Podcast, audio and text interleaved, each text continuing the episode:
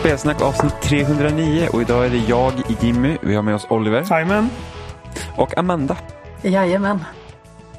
Hallå, hallå gubbar tänkte jag säga. Och så kom jag på att det skulle bara bli så himla konstigt om jag sa det. Jävlar.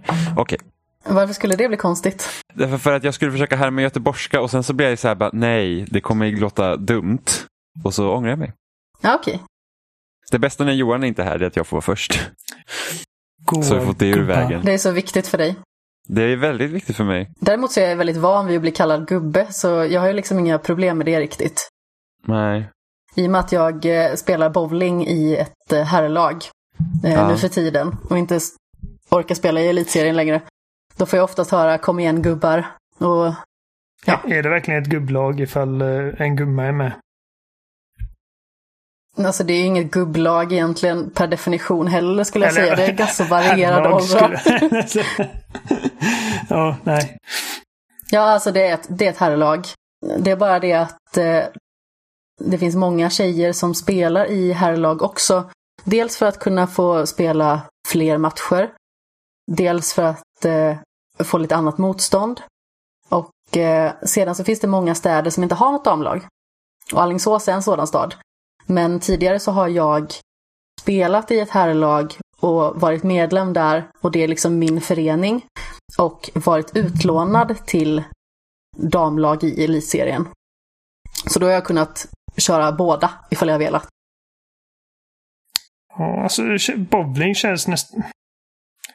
Ja, jag vet inte. Det känns inte bowling som en sport som man lika väl hade kunnat ha bara unisex-lag i. Alltså, jag förstår din tanke. eh, Men sen så är det ju faktiskt så att det finns många fysiska fördelar som män har. Och det är ju till exempel att män har större händer överlag, är, är sant. längre, kan ta längre steg, har längre armar och därmed kan liksom få mer längd ut i banan. Oftast är starkare, kanske kan ha lite tyngre klot. Alltså det finns många sådana fördelar. Sen de flesta män och kvinnor som spelar på hög nivå kanske spelar med samma vikt. Men man kan ha en fördel ändå av att vara starkare med det klotet. Och har man stora händer så är det lättare att skapa mycket rotationer. Så det är, liksom, det är en hel vetenskap med bowling. Och eh, eh rent tankemässigt, alltså skulle man gå ner och ölbowla, då känns det som att då är det väldigt jämställt egentligen. Eh, på den fronten. Men när man börjar komma upp i eh, ligorna och upp i världseliten, då är det ganska så stor skillnad. Men det finns många tävlingar där damer och herrar kör ihop. Och så finns det damhandikapp till exempel, så damerna brukar ha åtta per serie.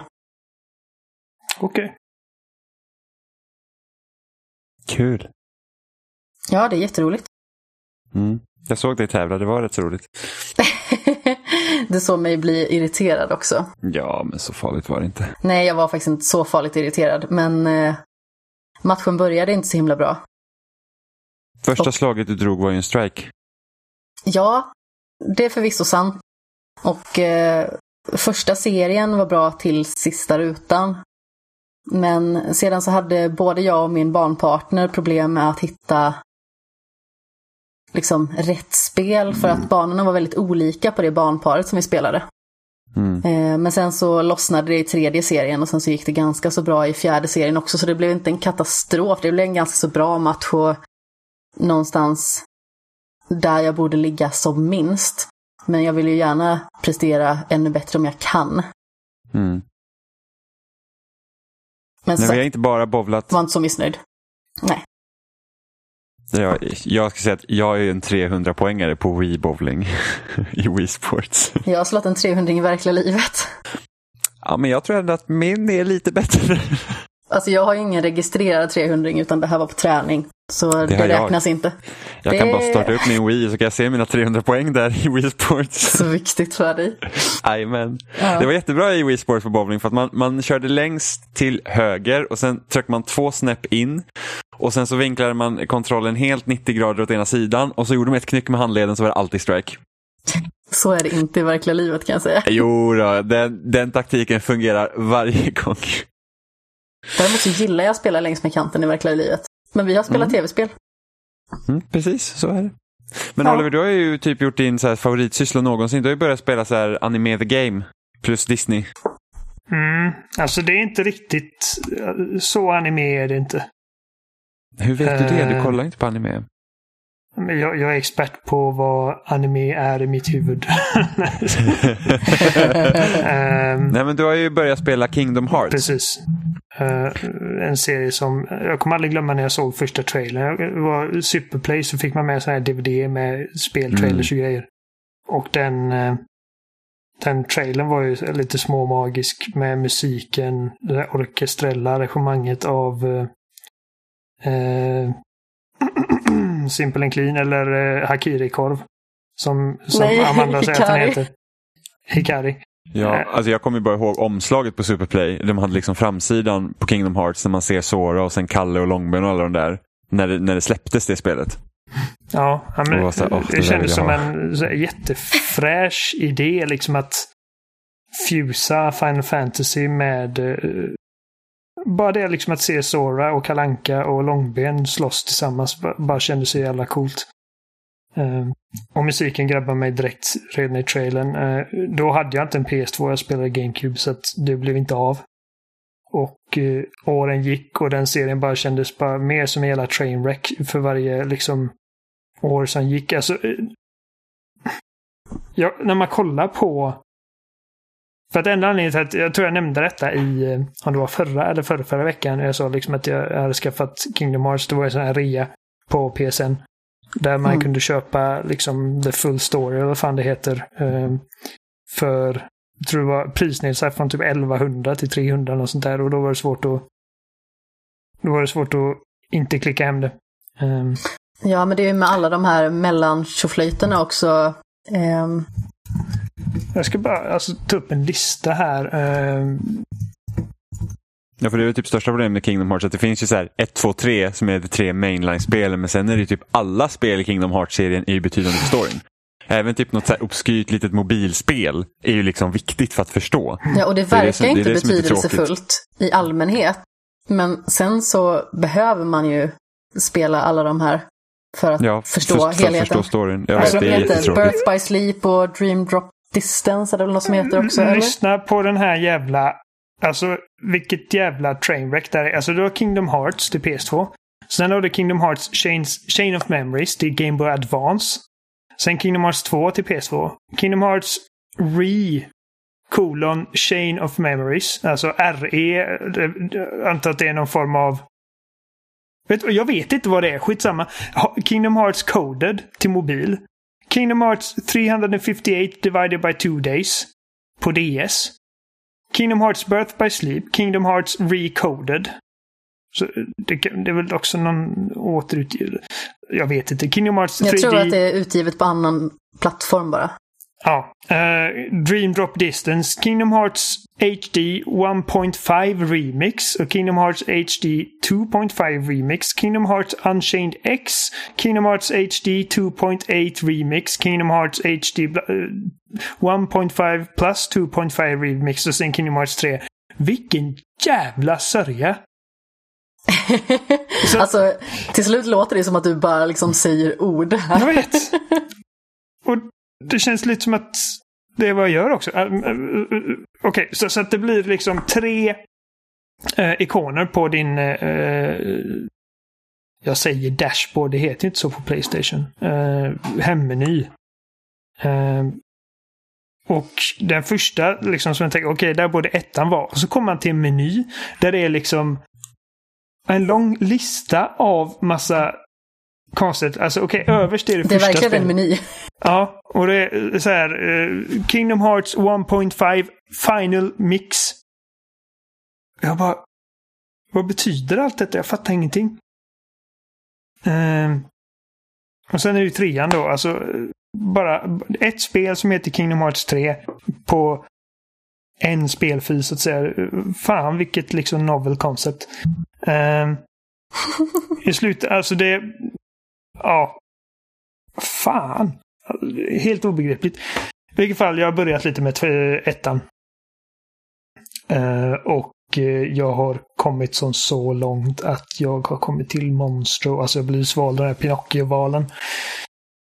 Eh, Så jag har tagit mig igenom eh, Alice i Underlandet, eh, Tarzan, Hercules Colosseum, um, Aladdin. Aladdin också. Ja. Kanske bara Har inte du varit eh, nere i havet också hos Ariel?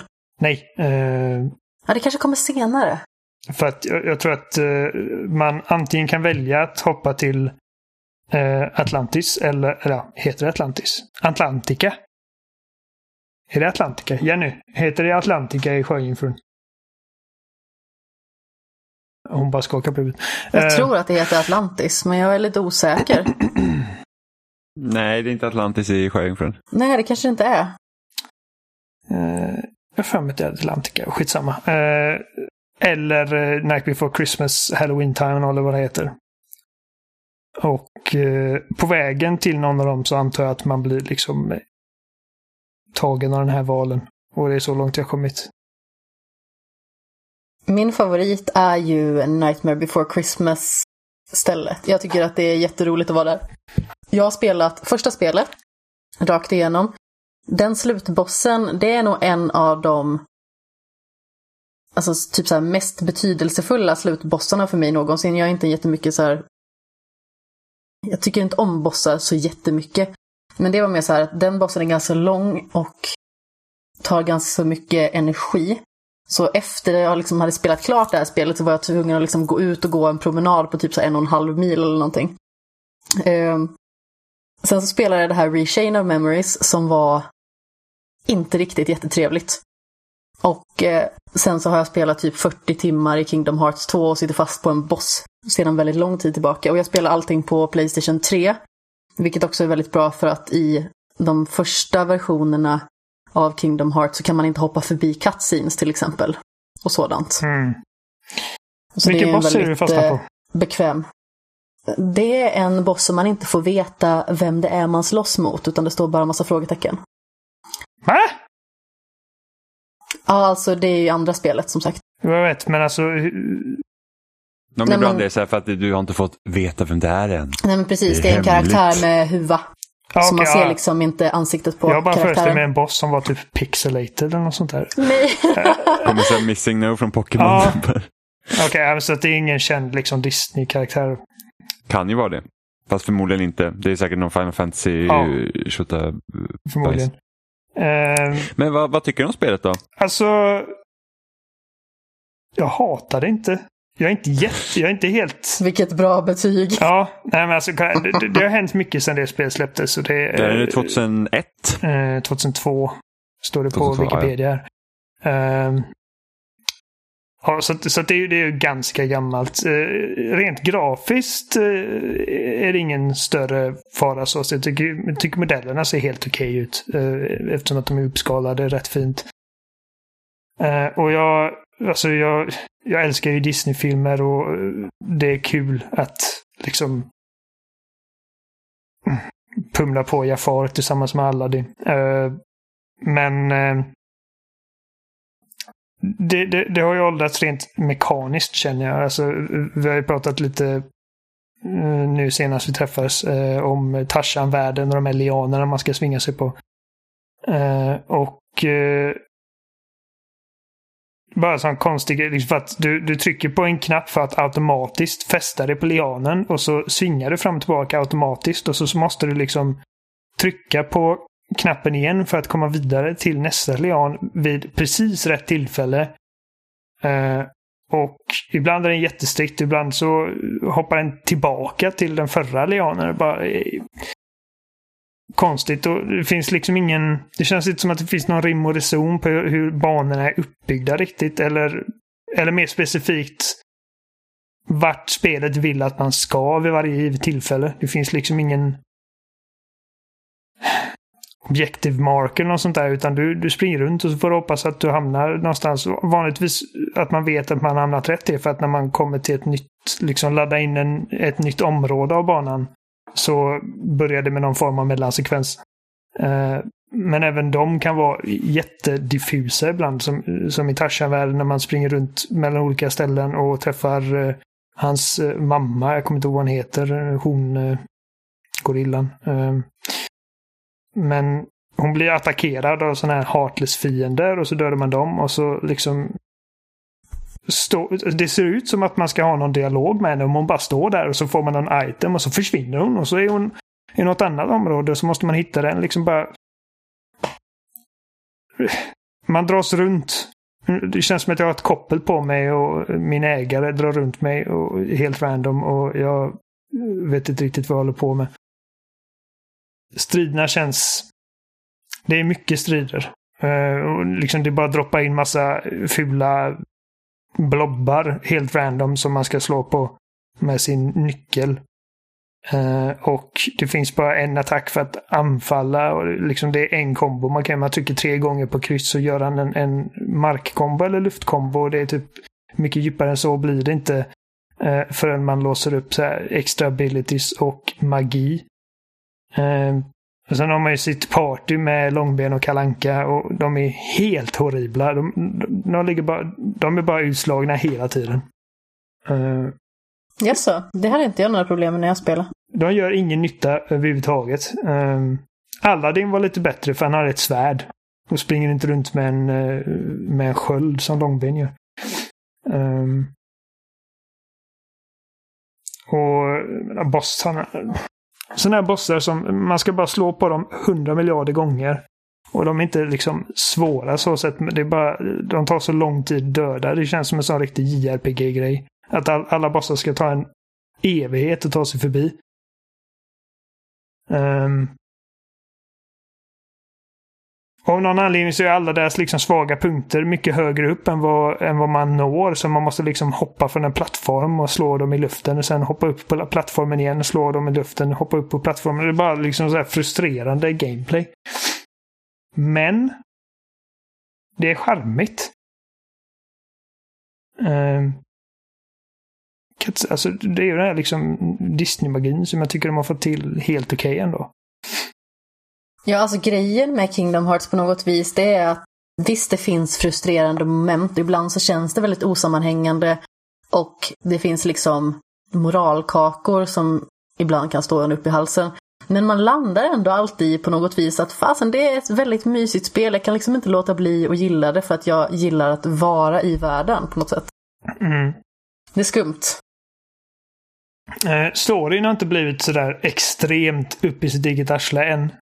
Uh, jag har ju sett Stinky. sån här typ montage som folk har satt ihop på YouTube. Där de bara visar liksom, alltså den här dialogen är helt liksom, uh, vad är det de pratar om? My heart got a heart, eller vad fan det var han säger i trean. Eller there's a heart inside my heart. Och Alltså folk, folk på YouTube som liksom genuint har försökt göra sådana här långa två timmars presentationer av någon form av sammanfattning. Quick recap på två timmar om storyn i de här spelen. Och jag har sett säkert fyra stycken och jag fattar fortfarande inte vad fan någonting handlar om. Um, för att jag var lite sugen på att ge trean en chans. Och uh, ja, eh, uh, bara, bara testa på det. Uh, och då så tänkte jag, men jag kollar på liksom, hur, hur komplicerat kan det vara? Det är liksom spikhåriga snubbar som mashar upp med Disney-karaktärer. Liksom, varför måste man göra det mer komplicerat än så? Men eh, det har en jättekonstig, liksom, bara uberkorkad lore. Som inte ens fansen kan förklara. Eh, men riktigt så, riktigt så har det inte blivit ännu. Utan just nu är det bara att Sora och han var på någon ö någonstans. Med två vänner. Vänta nu när jag funderar. Vad hände ens? Det var... Eh, det blev typ mörkt. Sora hade någon mardröm och så vaknade han upp och så var det sådana heartless överallt. Och Riku, tror jag han heter, stod på någon plattform och man gick dit och han började bli tagen genom någon mörk... Nej, jag fattar inte. Skit. Glöm vad jag sa. Det, det är redan helt obegripligt. ja, alltså det är ju väldigt luddigt kan man ju lugnt säga. Jag vill bara flika in med att eh, det heter Atlantica. Det heter Atlantica, ja. Jag har suttit och smyggooglat i bakgrunden och hållit på det här länge. Jag kunde inte riktigt släppa det. Ja. ja men det, jag har för mig att det, det, är lätt, det är lätt rätt. Jag har inte sett, jag har inte sett Sjöjungfrun på länge. Nej, inte jag heller. Det var nog när jag var liten som jag såg den sist. Men äh, alltid gillat, alltså Lilla Sjöjungfrun, alltid gillat Lilla, äh, Lilla Sjöjungfrun. Um, och jag tyckte Lilla om den. Sebastian. Liksom, ja, Sebastian och, och uh, sångerna och... Uh, Fiskmåsen. Mm, jag, hade mass, jag hade mardrömmar om Ursula när jag var liten. Nämen. Uh, jag ska inte säga något, jag är fortfarande rädd för morgon. Så. uh, det var en sån återkommande dröm jag hade när jag var liten att uh, Ursula hade typ utrotat varenda människa på hela planeten utom mig. Av någon anledning. Och jag typ för värsta Stockholmssyndrom-mode försökte liksom göra henne till min vän bara för att hon inte skulle äta upp mig. Så jag bara, åh, vi kan bli vänner. Och hon bara, ja.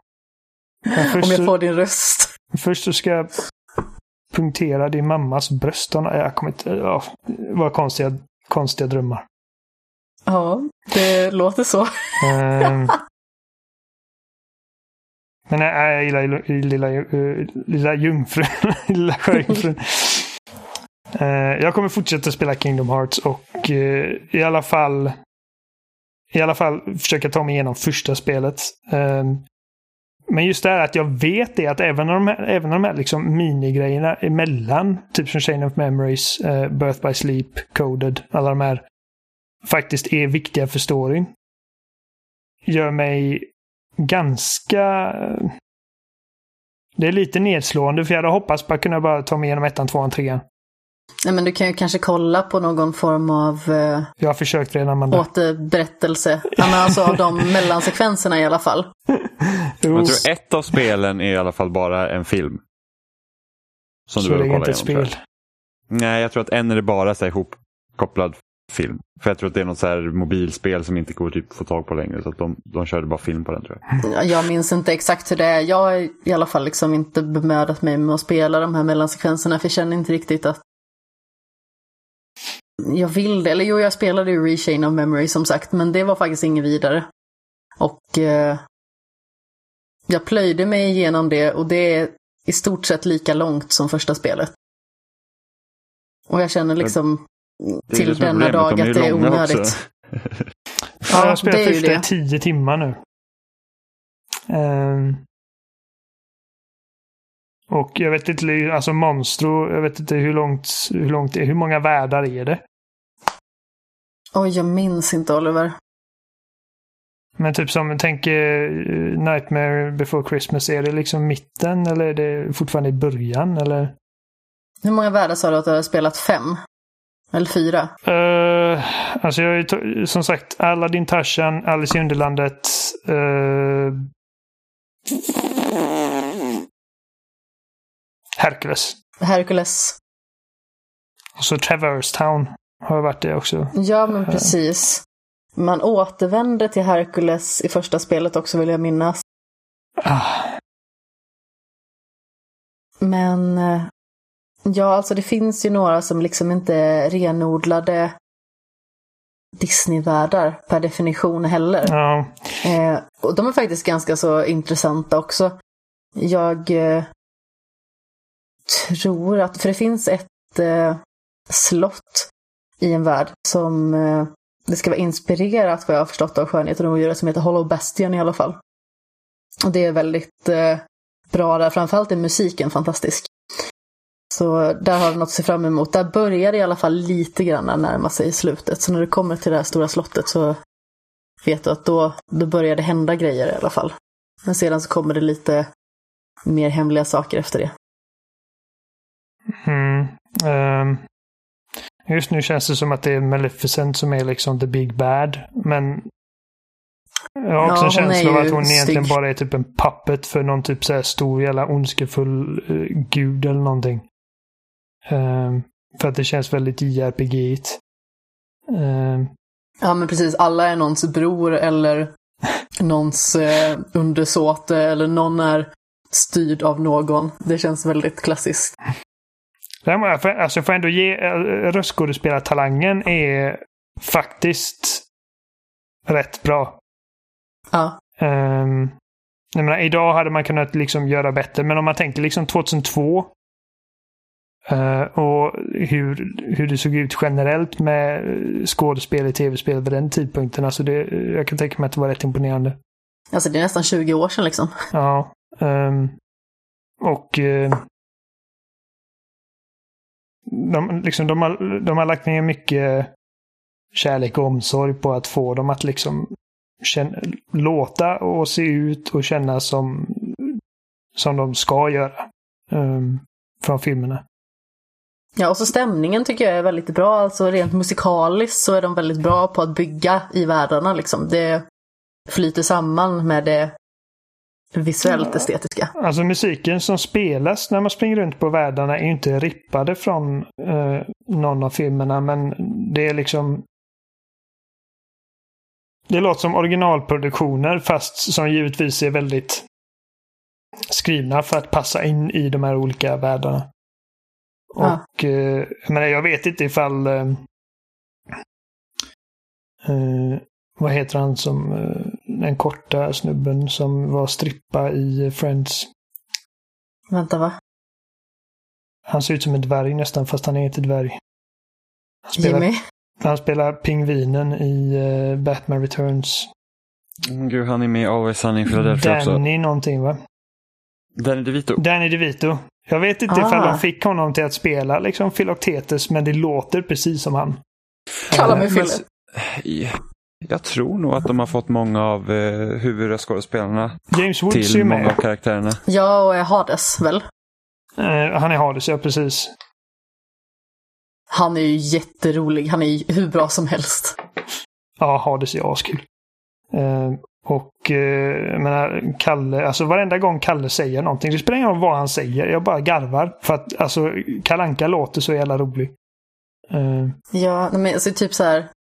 Hades när han attackerar och säger typ så här feel the heat eller någonting i den stilen. Alltså jag kan inte låta bli och bara så här, Roligt, jag, jag, tittar, jag, jag, har tittat på Family Guy så, så många år nu att jag tänker James Woods. Det är bara liksom, jag ser Family Guy-versionen av James Woods. Jaha, okej. Okay. Uh, eh, för att han är en ganska, han är en återkommande karaktär i den serien. Han spelar sig själv. Uh, nej, men så att det, det, är en mixed bag känner jag. Alltså vissa grejer har förändrat, äh, eh, säga, föråldrats lite. Men äh, ton, estetik, äh, musik och röstskådespel och sånt, det, det håller en ganska hög klass känner jag. Särskilt om man tänker liksom för inflation, om man ska säga. uh, Men alltså mediet utvecklas ju och mycket i spelet har ju ändå åldrats med värdighet känns som. Ja, alltså de viktiga delarna har, har åldrats rätt fint. Uh, och alltså jag bara, jag bara blev så jävla varm inombords när, när man för första gången fick se liksom Kalanka och Långbens värld. De är tydligen eh, det är tydligen Musse Pigg som är kung i deras kungarike. Ja. Och eh, Musse Pigg är borta. Kalle, eh, Kalle kommer in och bara och, och så hittar han den här lappen där han säger liksom, jag är borta, ni måste fixa detta, detta. Och man ser liksom så här wide shot när han kommer ut ur så här kungasalen där liksom bara helt panik. Bara, så det är så jävla bra. Men sen så när det inte är en massa Disney-karaktärer på skärm så känner jag bara liksom känner lite så liksom att ta fram revolven och suga på gevärspipan lite. Men, Nej, men. Eh, och jag, jag hade en, en konversation med, jag tror det var Alexander. Eh, som vi har haft på podden ett par gånger. Och han sa typ att jag, jag önskar att det var mindre Disney-grejer i Kingdom Hearts. Jag bara, du är fan inte klok. det, är, det är ungefär som att säga att jag vill ha mindre vanilj i min vaniljglass. Och typ proppa i lite avföringssmak istället. Alltså det, det är bara helt... För, för det är, det är när de här Final Fantasy-karaktärerna snackar som det är så jävla, alltså så cringy och pinsamt att jag bara liksom vill begrava ansiktet i en kudde. Men jag gillar ändå Sid. Uh, Sid. Är det han som har eh, butiken där i? Ja, precis. Ja, just det. det är ju en sån karaktär som återkommer i i stort sett alla Final Fantasy, fast i olika typ reinkarnationer. Ja, Okej. Jag, vet inte, jag, jag har bara sett han ett par gånger. Och han har liksom hans, hans konversationer, eller konversationer jag har haft med honom är liksom vad vill du köpa, vad vill du sälja? Hittills. Mm. Ja. Men som jag förstår så alltså det är inte bara liksom en crossover med Disney-världar utan det är tydligen liksom olika Final Fantasy-karaktärer. Som jag såg Cloud komma plötsligt. Ja, Eh, Ja, alltså det är en blandning mellan Final Fantasy och Disney. ja, så, det är ju det som är grejen. Jo, så, så att jag, för att Sora är väl liksom, hon- Sora är väl inte från andra Final Fantasy-spel? nej, men han är väl Sora- neutral. Sora är ju, ja, Sora är ju liksom huvudpersonen för Kingdom Hearts då. Och sen Ja. Aerith eh, dyker ju upp och eh, Ja, och eh, Leon. Leon, ja, vad kommer Från han för? åttan. Också, ja, åttan. Ja. Väl? Så Jag har ingen aning. Jag har ingen aning heller. Men så, så det, det innebär alltså att i Jaffe teorin är så väl med skulle också i typ... första spelet. Och Hon är från sjuan. Okej. Ja, men så, så att i teorin så innebär det att eh, Noctis exempelvis skulle kunna dyka upp i trean. Ja, fast jag tror trean är väldigt, väldigt mycket Disney. Jag tror att typ Final, alltså, Final Fantasy-grejen har tonats ner mer och mer. Ja, det har jag hört också. Ja, vad skönt. Yes. Eh, för Men- jag tror också det att Alltså, jag tror en av anledningarna till också att det har kommit så mycket Kingdom Hearts-grejer, för de, de, det är någonting säkert i kontraktet som att de måste släppa något spel med det här för att kunna behålla licensen. Mm. För jag tror var så hade Activision ett tag med Spiderman och därför kom så Spiderman-spel lite då och då. Som inte var bra. Mm. För att de behövde göra spel för att det Ja, det var licenser. Men jag tycker det är lite synd det här med att alltså, det Disney-karaktären, det finns så potential att göra spel med dem som inte riktigt infrias tycker jag. Jag kommer ihåg när konceptbilderna för Epic Mickey kom ut och man fick se typ så en Ja. zombie långben och så här typ någon så här steampunk-kalle och man bara så här fy fan vad episkt Vad det ser ut. Och sen, coolt. det var ashäftigt. Så det, och det, det är sådana grejer som Disney aldrig skulle gå med på att man gör med deras karaktärer. Så det, det är lite tråkigt men det hade varit skitkul att se någonting sånt. Som är liksom annorlunda. Det behöver inte vara det här sockergulligull utan att man tar liksom att okej men jag för Warren Spector hade ju liksom en idé han ville göra med Disney. Liksom det, det var hans, alltså Epic Mickey blir liksom en sån här grej att åh, han får äntligen arbeta med Disney som han har velat göra liksom hela sin karriär. Och sen så kom Epic Mickey. Jag har inte spelat Epic Mickey dock så jag vet inte hur det jag är. heller. Jag har hört att det skulle vara lite sådär. Ja, jag vet inte, alltså, jag gillar ju det här med att man att det inte bara är liksom Musse Pigg och Kalle och Långberg utan att det är alla möjliga. Liksom att det finns inga gränser för var man kan hamna. Um, och uh, ja, nej, men det är, det är ett kul koncept tycker jag. Liksom att, eh, att i, i, I min värld, så det bästa hade bara varit liksom att Sora, eh, Sora bara hoppar mellan olika Disney-världar och har ingenting med någonting annat att göra. Det är bara Disney. Mm. Alltså, Sora åker på roadtrip genom Disney. ja, Cloud och eh, typ, vad är det hon heter, Lightning i Final Fantasy 13. Och de kan hålla käften allihopa. Och så... Fan vad folk blir sura på mig när de lyssnar på detta nu. Bara, han fattar inte. Han är så jävla dum i huvudet. Mm. JRPG är det bästa som finns. Ja, Eh, jag har ju också spelat anime-spel. det har du. Ja, jag har spelat Dragon Ball Z Kakarot. Jag har lyssnat på dig som spelat Dragon Ball Z. Det låter Ja. jävligt märkligt. Det, det känns som att det släpps ett Dragon Ball varenda år. Ja, det, det kommer lite Dragon ja, nu har jag, tror inte det har kommit Dragon Ball sen Dragon Ball Fighters faktiskt. Och det var ett jättebra spel. Var inte det förra Men- året? Förra, förra. Okej, ja. Eh, så det är två år gammalt nu. Men, eh, så jag har ju alltid velat haft typ ett äventyrsspel när, när uh, Son Goku är liten. Vilket är liksom huvudkaraktären i, Dragon Ball. Så att man liksom får springa runt i så här, en öppen värld och göra liksom uppdrag. Alltså så som sådana spel är typ. Eh, och sen så får man liksom vara med och lära sig och fightas och gå på turneringarna och lite sådana där grejer. Man går igenom hela hans liksom spann när han är liten. Men eftersom Dragon Ball Z är ju liksom den större grejen så kommer det ju aldrig något när han är liten utan det är bara när han är vuxen. Och Dragon Ball Z, ja, det, det är ju liksom hela vuxna eran av huvudkaraktären då. Eh, och det är det här spelet också. Ge när de mig, vis- eh, ge mig eh, lite kontext här. Just det här spelet du har spelat, vad- är, är det också en fighter eller är det någonting annat? Nej, det här, det här, när de visar upp det så det ser ju ut som ett typ RPG i princip. Och det var ju det som fick många att bli så här, oh, wow, de ska liksom köra ett, ett single player-spel som inte är bara ett fighting-spel i Dragon Ball. Jag tror att det finns en sån här Xenoverse som också är typ mer äventyrsaktigt. Som jag inte spelar dem för att jag antar att de inte är speciellt bra. Och det här är också det, så man levlar upp karaktären och man har liksom, alltså, det är liksom stora öppna världar som man, som man går runt i. Så att du har ju liksom hela, alltså det är, det är stora kartor liksom som man går runt på. Och så.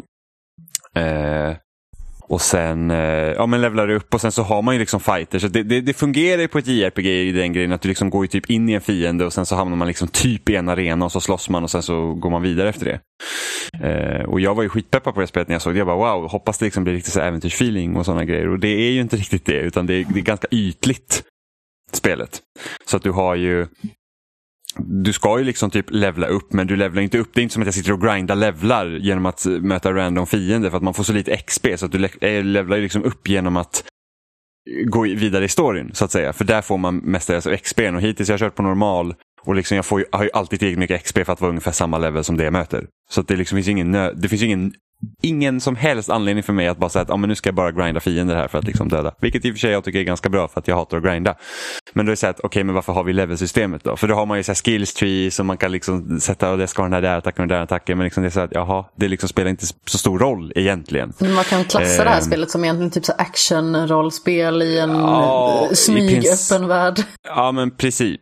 Så, och det finns det här sidequest, den går igenom hela hans eh, så här, vuxna. Alltså om man då tittar på animen eller då mangan jag är inte så himla nära animen för jag har ju bara sett något avsnitt liksom här och var. Eh, men jag har ju läst mangan flera gånger och eh, den följer liksom så bit för bit. Och sen de här sidouppdragen som finns, där antar jag att då liksom går man in i fillerområdena för animen. Liksom när oj, vi har inte material att jobba med för att författarna inte hunnit rita vad som ska hända sen. Så nu typ, här ska Son Goku ta körkort och lite sådana grejer. Så, så det finns även sådana Det finns även sådana liksom bitar i det här spelet. Så att för de som har sett animen så, så känner de säkert igen flera grejer än vad jag gör. Så för mig blir det liksom en liten bonus. Problemet är bara att de mesta av de grejerna är inte intressanta.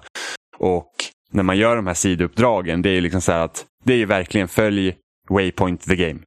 För att det är typ så att, ja men här pratar man med en gubbe, så bara ett uppdrag, ja jag behöver ha den här klotet eh, från det här stället. Okej, okay. fast travlar dit, laddningsskärm, kommer in i nya världen, hämtar den, åker dit, hämtar grejen, laddningsskärm tillbaka, lämna in, klart. Det är liksom, man, det, man gör liksom inget annat. Antingen så ska man hämta grejer och du kan kanske slåss också vid någon av de här sakerna så att det blir liksom en strid. Eller så slåss man i sidouppdragen. Så att det är liksom Första timmen med spelet är i princip exakt likadan som tjugonde timmen i spelet. Vilket är jävligt tråkigt. Eh, och sen eftersom den följer då Eh, alltså Dragon Ball-storyn bit för bit så är det att jag känner till allting. så att jag vet ju precis allt som ska hända. Jag vet precis. Eh, ja, så det är inget nytt för mig. Så jag kan ju liksom bara snabbspola genom mellansekvenser och sånt. För att jag, jag, bara, jag vet ju att jag vet vad som händer. Det är liksom det är vad det är. Eh, dock så är det liksom, för mig som är ett Dragon Ball-fan så är det ganska kul liksom att se Alltså att kunna göra de här olika attackerna och liksom striderna, de ser ju väldigt flashiga ut även om de blir tråkiga efter ett tag. För även om jag lär mig nya attacker och sådana där grejer så krävs det egentligen inte att jag eh, lär mig några nya taktiker för att slå fiender. För att det är i princip likadant hela tiden. Även om man möter olika fiender och så, så är det liksom de är inte tillräckligt olika för att det ska kännas så att ah, men nu måste jag göra så här. Eller jag måste kanske fixa de här attackerna så att jag kommer runt den här attacken fienden gör mot mig. Som, liksom andra RPGs och sånt kan vara. Liksom man tänker typ ta ett, eh, ja men typ Destiny till exempel, ta ett sånt spel där man liksom, ja, men jag, jag arbetar för att få bättre vapen så att jag liksom kan göra mer skada. Eller något sånt. Eh, eller liksom Skyrim eller vad som helst. Det är liksom rustning och allt sånt där. Och det finns ju liksom inte riktigt här. Du kan ju få nya attacker och du kan göra attackerna bättre. Men det är liksom inte tillräckligt stor skillnad för att det liksom var så att ja men nu är det mycket lättare bara för att jag har de här grejerna. Så det är jättetråkigt. Eh, men som, liksom, som ett fan och bara liksom få se de här liksom olika grejerna och hamna i de här scenarierna det kan faktiskt vara ganska underhållande. Som typ när Son Goku blir så här Super Saiyan för första gången. Och då bara, man bara, oh, gud vad spännande, liksom. det, det är lite kul liksom, för att man vet om det. Men annars, alltså som spel är det ju inte bra. Jag kan liksom inte säga att det är ett bra spel för att det, det är så otroligt ytligt. Eh, så det jag har gjort nu när jag spelat det, jag liksom lyssnar på podcast samtidigt som jag liksom sitter och slåss mot fiender för att det är liksom hjärndöd underhållning kan man väl säga. Ja, men det märktes verkligen också att du liksom inte kan vara investerad i spelet för att du vände dig om och pratade med mig och tryckte på, på A samtidigt för att bara liksom gå förbi ja. alla mellansekvenser. Ja, eh, och sen så striderna är ju liksom lite sådär för att reglerna som fienderna har mot dig gäller inte fienderna själva. Så de kan ju avbryta attacker som du håller på att ladda upp och sånt och gör. När en fiende bestämmer sig för att nej men jag kan ta skada av din attack men jag kan slå igenom den här stora jävla laserstrålen du har skickat mot mig som typ borde bränna ihjäl mig. det är liksom lugnt. Vilket gör att det är ganska irriterande och många gånger hamnar man i scenarion där man möter kanske tre fiender på en gång och, när, och de är lite starkare då kan det bli jävligt jobbigt liksom, hålla koll på allting. För att de attackerar fast du liksom har ryggen mot dem. För det är en lock-on. För att det med Dragon Ball-striden, alltså det är helt galet. Du är uppe i luften och du är nere under vatten och liksom det, det är liksom inget... Du är inte bunden till marken eftersom karaktärerna kan flyga. Så att det, det gör att de, man måste ha en lock-on på fienden, annars skulle man inte kunna slåss överhuvudtaget. Eh, och då blir det lite jobbigt när eh, fienden attackerar från sidan eller bakifrån. Så det är svårt att liksom hålla koll på när ska jag parera och vem ska jag parera och sådana där grejer. Så det liksom flyter inte på på ett sånt sätt. Jag hade ju hellre sett att man liksom kanske hade gjort ett djupare stridssystem. Om en likt, alltså kolla på spel som typ Dark Souls och Sekiro och Bloodborne och liksom den typen att man liksom säger att okej okay, men möter du tre fiender då måste du liksom mer säga att vilken tar jag först, hur ska jag agera? Och sen kan man göra det flashigt också. Alltså, det, alltså typ ta ett spel som Batman eller Witcher, alltså så som man slåss i de spelen är också liksom bättre att hålla koll på en mängd fiender än vad det här är. Eh, så att det blir väldigt rörigt snabbt och speciellt när kameran är lite mupp. Liksom när man helt plötsligt står man liksom 90 grader i luften vinklar man neråt och sen så liksom, ja det ser, det ser lite konstigt ut. Och, och ibland så hamnar man nära något berg och då och då är liksom kameran i berget så man ser ingenting istället. Så det är liksom lite sådana problem. Och nu är inte spelet svårt så det blir inte så att åh nej nu förlorar jag på grund av att kameran fuckar. Men liksom, jag hade gärna sett att striden hade flyttat på mycket bättre eftersom det är det man gör 90% av tiden. Eh, sen är det ganska kul liksom bara flyga runt på kartorna och samla typ orber och sånt. Man måste ha orber för att kunna köpa attacker. Så det finns så här, eh, skog, vatten och eh, markorber som är olika färger så behöver man ha dem för att kunna köpa attacker. Och de kan man också få hur mycket som helst av. Så att det är liksom, det har inte varit, jag har inte fått slut på några orber än.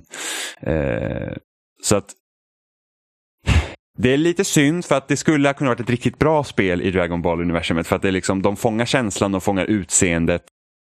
Eh, striderna är helt okej okay, även om de är röriga. Liksom så att de hade kunnat fungera. Det är bara att det du gör i spelet är, det är dötrist. Det är verkligen så att ja, det är liksom, vi har, de har en grej och så kör de hårt på det. Eh, och jag tror att mycket kan också vara på det som liksom man kan flyga. Du liksom, det finns ingen anledning till det att liksom söka dig igenom de här platserna utan du, du liksom swishar från eh, sida till sida hur snabbt som helst. Hade man, och det, det beror ju också på det att man kör ju som vuxen för att då har de alla de här superkrafterna och liksom karaktärerna är så jävla starka så att det nästan är löjligt. Liksom. Eh, hade man kört en som Goku liten till exempel, han kan inte flyga än, han har ett moln sen som, man hade kunnat, som blir som ett typ fordon som man kan åka runt på men då hade det varit mycket med att man, man, man reser från ställe till ställe liksom, och så får man vara med hela och det blir mer som ett äventyr. Man hade kunnat göra ett riktigt bra spel med det tror jag. Ja men det känns ju som att han blir vuxen väldigt fort för att han är väl liten i början. Det är ju ganska Nej. så... Nej, är han inte?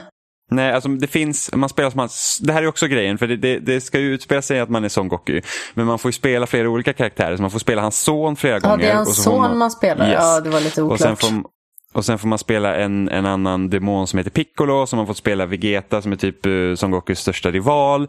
Och det blir också lite problem eftersom det ska vara ett RPG med skill trees och sådana här grejer. Att jag kan inte välja vilken karaktär jag ska vara utan det är under vissa storybeats i spelet som man är vissa karaktärer. Och då är det så här att okej okay, men jag kanske bara spelar som den här karaktären en liten stund nu. Ska jag då liksom slösa resurser på att göra den här karaktären starkare när jag kanske behöver ha dem till nästa karaktär jag får spela. Så det blir väldigt märkligt på det sättet också. Så att man får inte liksom mixa och matcha hur man vill eller liksom ta igenom så det är liksom så att jag förstår liksom inte de här RPG-elementen de har slängt in för de är helt onödiga för att spelet liksom inte riktigt supportar dem ordentligt. Ja, sen så är det lite som typ i Devil May Cry också, när man är klar med ett segment så får man typ ett betyg. Ja, det är så typiskt japanskt. Det är så att ah, du får ett S eller A och jag vet liksom inte vad, vad är skillnaden om jag får ett S eller A. Får Men det känns onödigt XP? i ett rollspel också.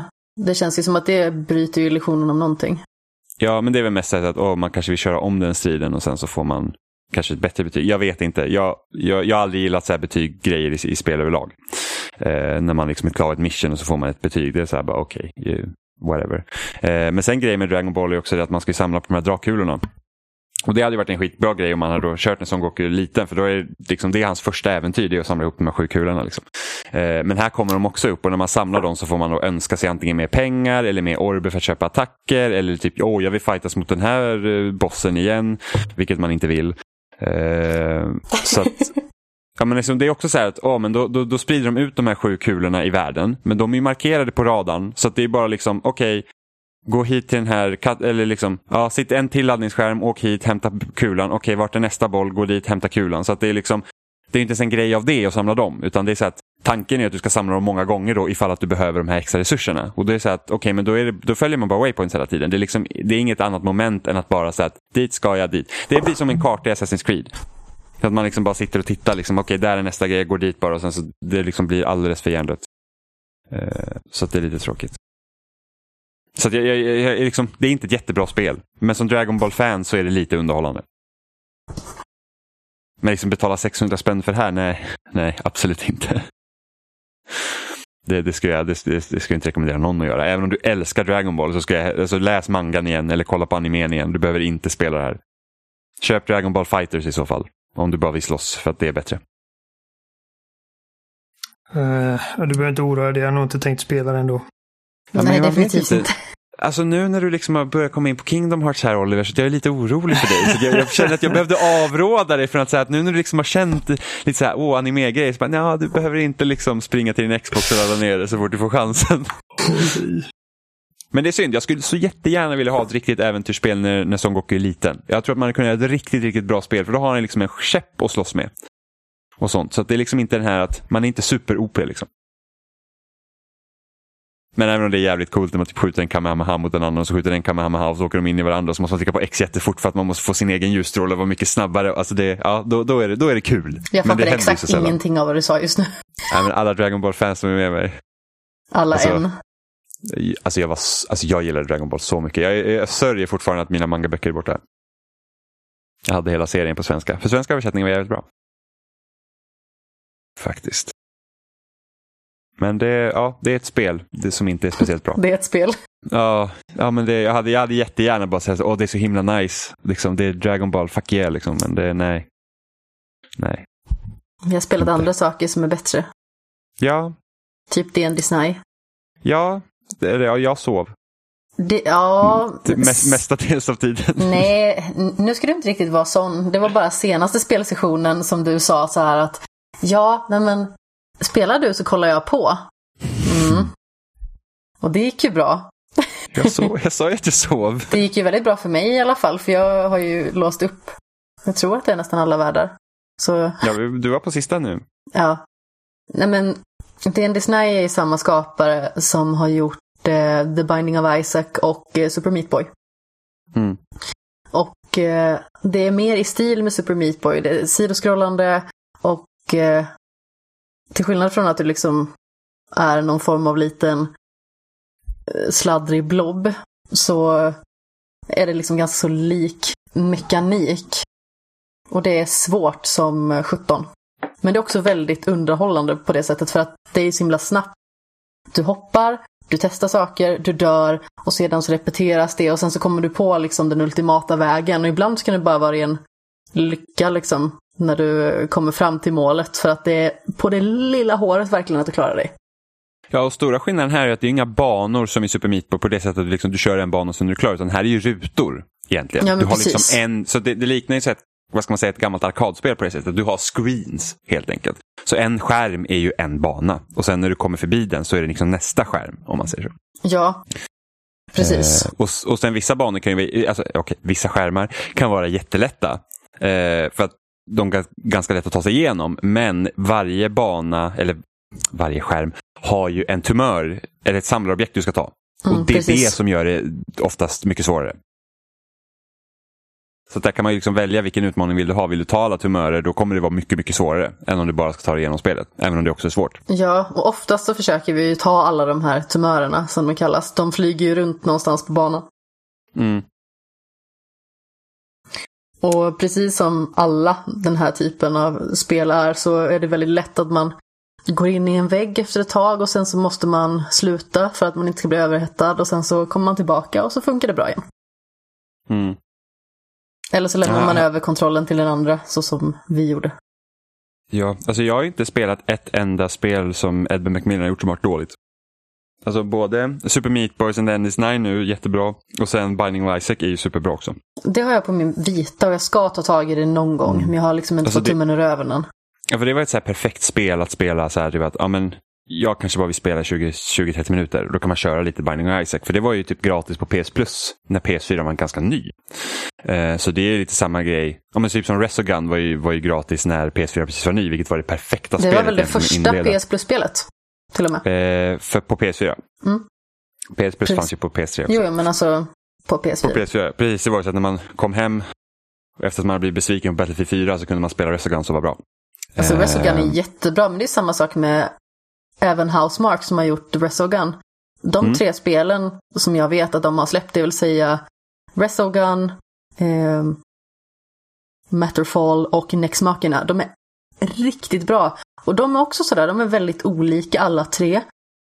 Men de har vissa gemensamma nämnare som gör att det är så himla tillfredsställande att spela deras spel. Mm. Ja, de hade ju någon serie på PS3 också som var jävligt bra som inte jag kommer ihåg vad den heter. Kommer du ihåg vad det heter, Oliver? De som gjorde Resogun, det här när man åker typ runt på planeter. Ja, ja, Star, Super Stardust. Just det, precis. Det är väl också Housemark, eller hur? Jag vill Ja. minnas det, men jag har inte spelat det. Ja, jag tror Ja. Så de, de är också jättebra. Problemet som Housemark kom på, det var det att, eller kom på, som de fick med, med PS4, de, att folk inte köper de här highscore-spelen lika mycket längre. Det är jättesvårt att komma fram med dem och jag tror att det är för att lättare att släppa spel på konsolerna. För att alltså, jag gick in idag på Xbox-storen och bara kollade typ de 20 senaste spelen. Jag, bara, jag känner igen typ två titlar här. Det är så jävla mycket bajs. Det är ju samma sak när Eh. man går in på switchen. Man bara så här, vad är det för djungel jag har kommit in i ens? Hej Nemo! Ja, jag vet. Det är mycket skräp på switchen. Det var inte Nemo som Eh. var skit, utan det var min katt som kom och buffade på mig från ingenstans. Och Så att de, de fick ju problem med det. att Liksom att efter, jag tror det var om det senaste var Next Machina eller om det var Matterfall. Jag kommer inte ihåg vilket av dem som var senast. Nextmakerna. Eh, precis, och det var att deras spel säljer inte längre för att folk köper inte den typen av spel längre. Och sen så tror jag också att när det är så mycket som är digitalt så blir det så att det puttas ner ännu längre ner. Eh, och sen både Sony och Microsoft är ganska dåliga på att lyfta upp alltså de här spelen. Det var inte som på typ 360-tiden när Microsoft hade Xbox Live Arcade och liksom att det, det var ju en stor grej. Och de hade typ flera gånger om året hade de så här små pushar Eh, där de, där de säger att ja, men de, de här fem veckorna kommer de här fem spelen och, och vi pushar dem för att vi tycker att de är bra. Så Super Meat Boy var ju med i någon sån här höstgrej. Eh och sen har du typ så här Castle Crashers och eh, Trials HD och sådana spel som var med i Summer of Arcade som liksom blev jättestora. Braid till exempel. Inflikning Eh, bara. Eh, fel mm. av mig. Eh, Nextmakerna släpptes två månader innan Matterfall. Det var bara det att jag spelade dem i den ordningen. Mm. Så de spelades eh, samma sommar där, 2017. Ja. Eh, men Housemark gick ju ut, om det var i veckan eller förra veckan, att de, ska snart visa upp sitt nya spel. Och det ska Oh. vara deras största spel de har gjort. Så det kommer ju vara mer ett, det kommer ju inte vara den här high score, liksom sm- små spelen som de har som de har arbetat med tidigare. Det här kommer vara något annat. Så, Så det ska bli länge- väldigt, Så länge de behåller pixel... Eh, eller partikeleffekterna. ah, Så voxel. är jag så nöjd. Jag älskar Mm. när saker sprängs i deras spel. Mm, för Housemark är jättebra. Mm. Men det är Men en den är sån sån här... här, jätte, jag är också, också jättebra och sen liksom att Ja, det, det- om gillar man svåra plattformsspel så borde man absolut spela det. Ja, alltså definitivt. Det är inte lika bra som Super Meat Boy, för Super Meat Boy är lite tajtare. Tycker jag. Alltså det är inte det Ja. att D&D Disney är otajt. Men jag tror att det är själva karaktären som är lite blobbig. Som känns lite mindre tajt av Ja, någon anledning. Och sen, och sen så har ju också Super Meat Boy, där finns det fler funktioner som att du kan liksom glida på väggarna och du kan hålla liksom så det är ett helt annat flow i det spelet. Ja, hoppa på väggarna Eh, väl. Jag vet inte om man kunde hålla fast sig. Man kunde glida långsamt. Eller något. Jag, jag minns inte riktigt. Eh, men, men liksom Wendy Sny kan man nästan likna som att det är en pusselplattformare nästan. För att ibland så måste jag säga, hur ska jag ta mig igenom det här? Medan så här, i Super Meat Boy, bara, jag måste bara lära mig och typ hoppa mellan de här två sågbladen i, i den här farten för att komma förbi det. Men precis, där handlar det väldigt mycket om så här hastighet, beslutsamhet och timing. Medan Mm. D&D Disney är typ, okej, jag måste hoppa dit för att kunna ta den här. Sen måste jag hoppa tillbaka dit och jag måste hoppa på de här plattformarna för att inte dö en Mm. grym död. Precis, så att det blir liksom, det, det är ett helt annat flow i det. För att när man spelar Super Meat Boy så var det så att okej, jag kör fram till det här stället där jag dör hela tiden tills jag kommer förbi det. Och sen kommer jag dö på nästa hinder vilket gör att jag kommer få köra om den här banan från den punkten hela tiden. Så jag blir bara bättre och bättre hela tiden och tar mig sakta liksom fram genom banan för att jag lär mig. Mm. Eh, och den Disney är liksom bara så att man testar liksom olika knep för att man kanske tror att det kommer funka. Liksom.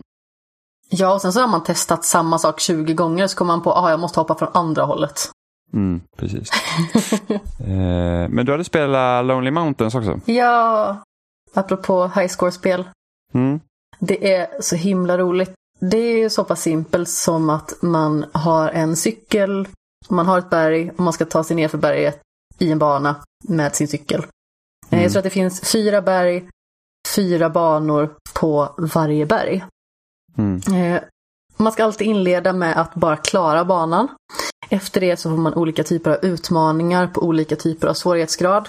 De kan vara väldigt olika. Det kan till exempel vara att eh, du kan låsa upp nästa berg redan eh, om du tar den här banan under den här tiden. Det kan också vara liksom att du ska krascha så få gånger som möjligt. Till exempel ja, men, krascha under 16 gånger så låser du upp den här banan. Eller eh, gör den här saken så får du nya cykeldelar. Det är väldigt många sådana olika saker. Eh, så man vandrar mellan de här olika bergen och testar de här olika banorna och det är så otroligt roligt. Men det är också sådär, du dör, det går fort och sedan så börjar de om från den senaste punkten. Alltså, eh, är det, I början av banan så börjar man ju om från toppen naturligtvis. Sen så finns det olika typer av eh, eh checkpoints eller vad man ska säga. Mm. Eh, Och så har man spelat typ trial-spelen så vet man hur det ser ut. det har ju inte jag. De Men- är också jättebra. Eller ja, inte alla. Men Trials HD, Trials Evolution är jättebra och det senaste Trials Rising är okej. förutom att de har lagt till en massa så här challenges och, och lootbox-grejsimojser som gör det hela sämre. Mm. Men Lonely Mountains är väldigt roligt på det sättet liksom att Alltså dels är stilen, det siktar verkligen inte på att vara realistiskt någonstans utan det är nästan lite mer åt det konstnärliga hållet. Och väldigt minimalistiskt. ja, det är jättefint att titta på och det är väldigt roligt när ens karaktär dör. Eh, för det är ganska så roliga troféer också. Det kan typ vara så här att eh, du får en trofé för att krocka in i ett träd efter att du har krockat på en sten. Mm. Eller typ så här, fall 20 meter så får du en trofé. Eh, och sådana grejer. Jag tycker sånt kan vara väldigt roligt. Alltså så länge man liksom vet att ah, men, det här behöver jag göra för den här trofén. Eh, Sayonara Wild Hearts har jag nämnt tidigare har ganska så mysko-troféer men det kändes som att de behövde ha troféer för sakens skull lite grann egentligen. Eh, och det är för att man ska låsa upp eh, vissa grejer i spelet också. Så det är ju sammanknutet Mm. där. Men det är inte li- riktigt lika roligt. Men jag, jag tycker att det är roligt med sådana här obskyra troféer. Där man typ ska göra någonting jäkligt konstigt för att få en trofé. Mm. Eller typ så här, ja, men krascha in i sten eh, hundra gånger. Mm. Ja, men det var ju typ som, jag kollade på den här NoClip-dokumentären om Outer Wilds. Eh, och då förklarar de lite hur spelet fungerar. Så att den planeten du är på, den är renderad liksom i full skala och sånt. Men sen har du också en probe du kan skicka ut. Och är den på en annan planet, då måste de rendera den planeten också samtidigt på den planeten som du är på. Och är ditt skepp på en annan planet men inte du, så måste de rendera den planeten också. Eh, och de tänkte lägga in en achievement i spelet där du ska ha proben, skeppet och du var på tre olika planeter. Problemet var då att det fanns en risk att spelet kraschade, så de kunde inte lägga in det. Eh, men det hade varit en kul trofé, liksom, eller achievement. Ja, precis. Men alltså, Lonely Mountains, jag, jag tycker ju att det kan vara ganska så roligt att köra alltså racingspel eller dylikt sådär av, av olika sorter. Det är ingenting som jag sätter mig och gör speciellt ofta, men det här är liksom ett sånt spel som under väldigt många dagar i rad var verkligen så här, ah, men jag spelar lite Lonely Mountains nu för att eh, jag har kommit till en punkt i The Witcher där det krävs mycket av mig att gå vidare kanske. Och så då tar jag någonting som är så pass anspråkslöst, liksom att du kan spela en bana, du kan nöta någonting. Eh, det behöver inte nödvändigtvis vara hjärndött, det låter så himla tråkigt att säga det. Men det är inte lika hårt på ens liksom Ja, men- ja, men man kan investeringsenergi på något Man vis. kan slöspela det på ett helt annat sätt. Ja, men exakt. Alltså det är ofta jag typ spelar, jag brukar ofta återgå till Forza Horizon 4. Eller eh, 4, Forza Horizon överlag. Eh, när jag liksom har kanske spelat ett jättelångt spel eller liksom ett, ett storytungt spel. För jag bara, ah, men nu är det bara så jävla nice att köra bil. Ja, men alltså ibland så behöver man ju en palettrensare och Fifa var ju Mm. det väldigt mycket för mig innan. Sen har inte jag spelat så himla mycket Fifa i år i allmänhet. dåligt. Sluta, det är inte alls. Fifa är jätteroligt. Det är, ja. Du ska spela Fifa med mig någon gång, så ska du se Mm. hur kul vi ska ha när jag slår dig. Spelar hellre Fifa än eh, Dragon Ball. De springer runt och letar testiklar med spikfingrar så aldrig i livet. Dragonkulor. Drakbollar. Ja. jag säger det. Eh, Men du har ju också kört eh, cykel fast med motor, Jimmy. Ja, det här är så kul för att Oliver spelade Days Gone för flera månader sedan. Och då hade vi, så planerat, och då hade vi planerat att vi skulle prata om det i podden och jag var så här jättesugen på att fråga vad han tycker om det då. Eh, sen var det så att det var något annat som kom upp. Sen var inte vi med i samma avsnitt så att det liksom var ett jättelångt hål där och sen har det inte bara blivit av för då har vi haft annat att prata om. Men nu har jag också spelat Days Gone. Eh, och Det här var ett spel som jag totalt avfärdade när det släpptes förra året. För att jag var så här att jag orkar inte med stor öppen värld och massa så här meningslösa liksom uppdrag, alltså så här, kamp och läger. Och så här, du vet, sånt som alla spel har. Mängduppdrag. Alltså, det... Du var inte så jätteimponerad av vad vi såg av det från början. Och sen när recensionerna kom, jag tror IGN gav det en sexa eller någonting. Då var det ju ganska lätt att avfärda det. Mm. Det gjorde jag också. Ja, precis. Ja, eh, men, eh, men nu har jag spelat det. Och jag tyckte att det var jättebra. Alltså, Alltså, jag jag det är riktigt riktigt förvånad över detta. Alltså, Jag alltså, snudd på chockad över att du Alltså gillar jag, det. typ, alltså jag satt typ totalt på två dygn kanske jag satt och spelade 15-16 timmar av det. Ja, och du ligger väldigt brun till och ute på hal is när du säger att Horizon är sämre än vad Days Gone är. Hor- Horizon är sämre. Nej, Alltså, det kan så- det alltså, inte vara. men Har du så spelat Days Gone, Amanda? Nej, det har jag Nej, inte. Men det kan inte vara sämre. Oliver, Eh, så- rädda mig. För, för så Du har här, spelat så här, också. Och det här är anledningen till, men alltså de som inte vet vad Days Gone är, så att man är en postapokalyps och man är en bikerknutte och sen så, ja, så är det en öppen värld, man kör runt och gör uppdrag och bla bla. Eh, liksom, ja. Kolla på en trailer om ni inte vet. Eh, ja, alltså så här är det. Horizon vinner på premiss. Just för att det är, så att det är någonting unikt. Det är liksom inte, alltså zombies har vi, alltså okej, det är inte zombies i Days Gone. Hur mycket de än vill säga att det kallas freakers, det är banne mig zombies. Det är alltså, zombies, det, det är zombies. Men Horizon vinner på premissen, det är mycket mer intressant med så robotdinosaurier och sådana grejer. Det, det är mycket mer spännande på ytan. Eh, och jag tycker väl att eh, alltså sättet man slåss på i Horizon är ju också Jättebra. mer, alltså ja, det är mer, jag tycker att det är mer beundransvärt liksom att de det, du skjuter inte bara, du har den här pilbåge och liksom, de kan liksom fighterna runt kring det. Det liksom fanns Och mer man kan ta över robotarna framförallt så att de kan slåss mot varandra och sen så kan man rikta fokuset åt ett annat håll så kan man pilbåga någon. Från Man, man, kan, an- man har en armborst i Days Gone och man kan göra precis samma sak. Att ta ner en sån, eh, vad är det de heter? eh, eh, T-Rex ja någonting. Ja. Uh, jag stämmer på att jag inte kommer, kommer ihåg vad de heter. Någonting med ja. Ehm, Eh, ja, du menar Horizon? ja, Eh, alltså det, det, är inte, det är inte alls viktigt att jag vet vad de kallas. Nej, men nu den, jag den, stora, den, den stora robotdinosaurien, Jawbreaker eller vad den heter. Ja, det är godisen. uh, Thunderjaw heter de. Ja. Ja, just det. Eh, när man tar ner sin sån första, det, det är liksom så här 20 minuter lång fight där man liksom sätter fast den i marken och dodgar undan och försöker liksom blästa av eh, liksom komponenter av den och sen plockar man upp eh, den raketkastaren som den har på ryggen och skjuter den på honom och hoppar undan i sista sekund och liksom teddrar honom till marken. Det är bara så jävla cool gameplay loop. Uh, striderna i Horizon. Och det är så tillfredsställande när man träffar de här specifika delarna med sin pilbåge till exempel. Alltså det är Ja. så härlig Ja, men alltså, känsla. Men där Ljudet. håller jag med om att, där jag håller ju med om att Horizon vinner där. Det är, det är mycket mer ori- originalitet i det spelet än vad det är i Days Gone. Men, Days Gone vinner på utförandet. Alltså, Jag förstår inte detta. Det, det är faktiskt en jävligt tillfredsställande känsla när man lyckas döda sin första hård också i Days Gone. Ja, eh, Eh, alltså, alltså det är också en sån här process som tar liksom 20 minuter ibland. Man, alltså, eh, en hård är liksom är typ 800 zombies som du ska döda. Och det tar tid Ja, och man det- måste liksom slussa dem genom fällor som man sätter upp på förhand. Och eh, ja, det är Ja, också så rätt det, det är coolt. liksom, jag gillade att man behövde ta en hård genom storyn och så tänkte jag vad bra, då kanske man inte behöver göra det ändå. Och sen i slutet så behövde man göra det flera gånger och det var så att ja, men nu börjar det bli lite tjatigt. Liksom. Eh, spelet tog för långt.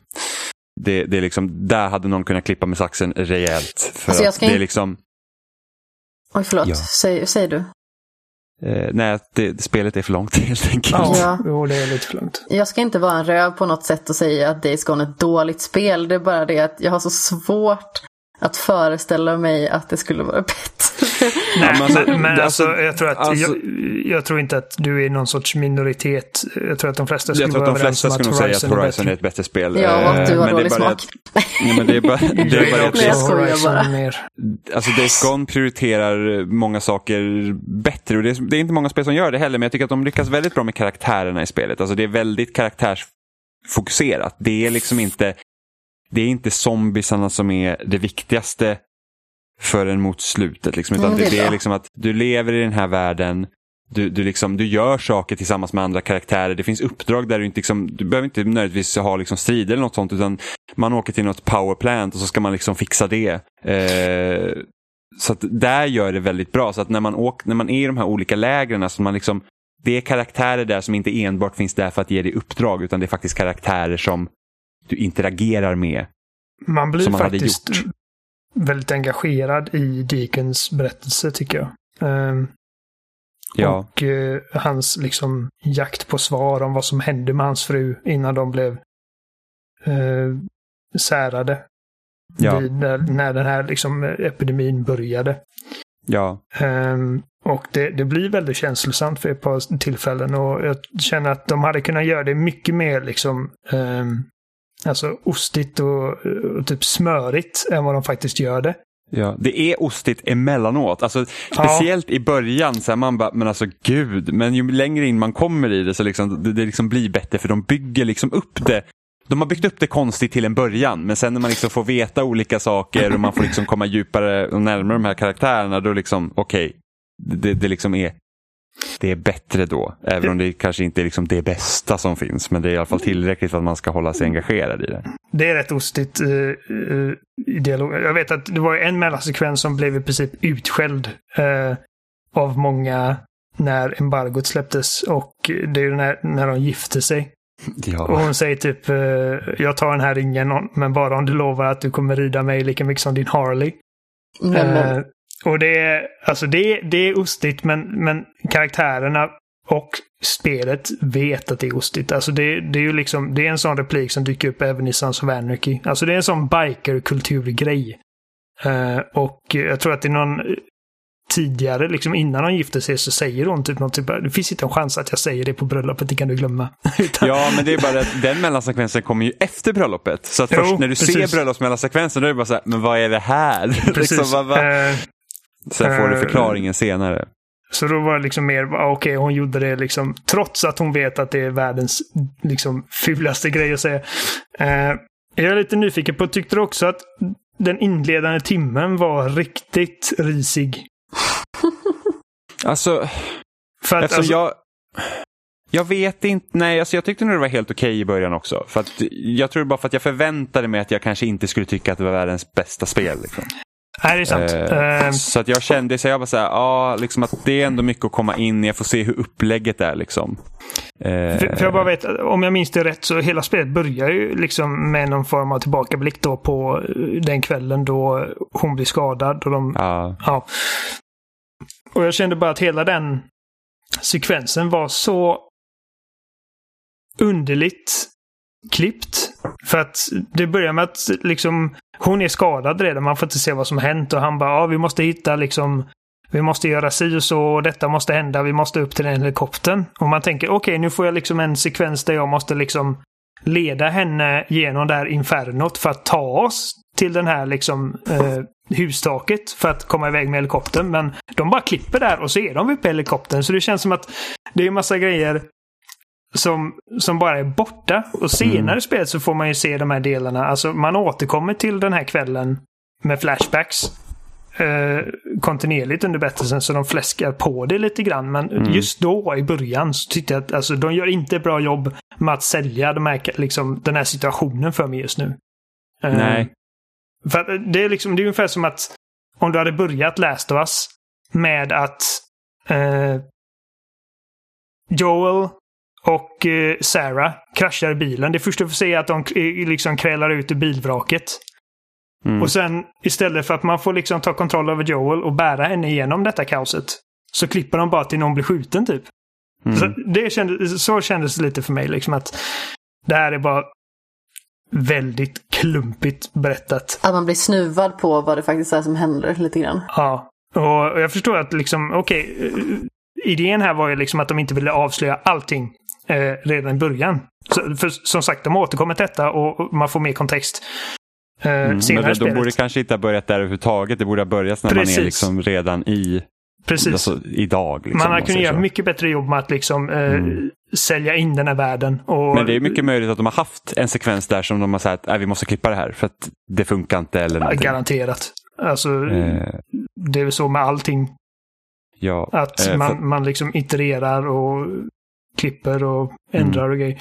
Men alltså oavsett så, jag tyckte att början var väldigt klumpig. Och sen så Mm. kommer man liksom till nutid och man, man jagar någon annan biker ja, och inte är riktigt väldigt- vet varför. Nej, det är lite rörigt där i början. För jag, har sagt, jag vet inte riktigt, alltså det är samma så här, Boozer till exempel, han är skadad så det är ens bästa vän. Han är Ja. skadad och man ska liksom hålla honom vid liv på något konstigt sätt. Det är så att jag vet inte liksom varför jag ska bry mig om honom just nu, liksom för att det är så himla... Alltså det, det, man släpps inte i den här världen på ett inbjudande sätt Nej, på en gång. Utan Nej alltså, att, de, de vaggar inte in den på ett effektivt sätt. Nej. I slutändan gillar jag Deacon och i slutändan gillar jag Boozer. och Jag bryr mig om de här karaktärerna. Men liksom i början så det är inte Naughty Dog-precision i berättandet. Nej, Alltså. absolut inte. Och jag tror att eh, spelet hade nog... Jag tror att det hade haft mycket större impact. Eh, bland, inte bara bland kritiker utan eh, alla. Om det bara hade haft en mer effektiv inledning. Mm. Och sen tror jag också stora problemet här, alltså det är också skillnaden mellan Naughty Dog och till exempel eh, Ben som har gjort det här spelet. Det är det att det känns, till exempel ta ett spel som Last of Us och liksom när den resan är slut så känns det okej men det känns som att man vill säga någonting med spelet. Liksom att det är så att den här historien får en att tänka till. eller Liksom så att Mm. det, det finns plats att liksom grunna på det helt enkelt. Och det finns inte, när Days Gone är slut så är det bara så här, jaha, ni gjorde ett sånt slut. Liksom. Det var så här, okej, det är Ja. liksom. Alltså, det var en här, resa och det- ja, liksom, precis, det det var en slut. resa och nu är det klart. Och- Och... så bara, alltså, det är nästan så jag skulle kunna typ likna det med slutet i Resident Evil 4, även om det inte är lika ostigt. Men det är så här att, vi, ja men förstå, vi är Jo, klara vad jag nu. menar. Liksom, nu. Det spelet är slut. Jag förstår vad Det, och det är det. Så jag kommer liksom inte sitta och tänka så här, åh fy fan. Typ, om man jämför typ ett annat, Evil Within 2 till exempel, när det var slut, det är ofta någonting jag tänker på. För att Ja. det slutet var verkligen så här, wow. Men liksom, även om jag tycker om Days Gone var bra, men när det är slut, jag är så här, jaha, okej. Det finns liksom, ni lämnar inget plats för mig liksom att vara så här, okej, det där kan man fundera på eller Nej. vet, så där, utan det är liksom så här, Evil det Within är är klart. inte heller ett sånt spel som eh, får dig att, liksom, att, att fundera och reflektera över saker. Utan det är bara liksom en väldigt effektiv Precis. Det avslutning. liksom- alltså det är Ja. väldigt dramatiskt och väldigt snyggt berättat. Precis. Så, så det stannar med dig. Um, Medan Last of Us liksom- är både snyggt och det, liksom, det får den att tänka på moraliteten i det och liksom hela den Ja. grejen. Eh, Och Days Gone är bara så här, vi är klara. Vi är klara. Och alltså det känns inte... Det, det, det är inte dåligt slut. Det, det, slutar Nej, liksom det är inte dåligt, men det en- känns liksom också... Det, det slutar på en high note om man säger så. Alltså, inte så att åh, det är så jävla bra, det slutar på en high note, men liksom det, slutar, Nej. det slutar inte i moll om man säger så. Nej, precis. Slutar Eh, vilket, vilket också känns ganska orimligt med tanke på vad som händer i slutet. Man bara säger Jo, okej. jag känner att de Eh. hade kunnat... eh, liksom, det känns som att de... Pulling your punches. Alltså jag kommer alltid på engelska först.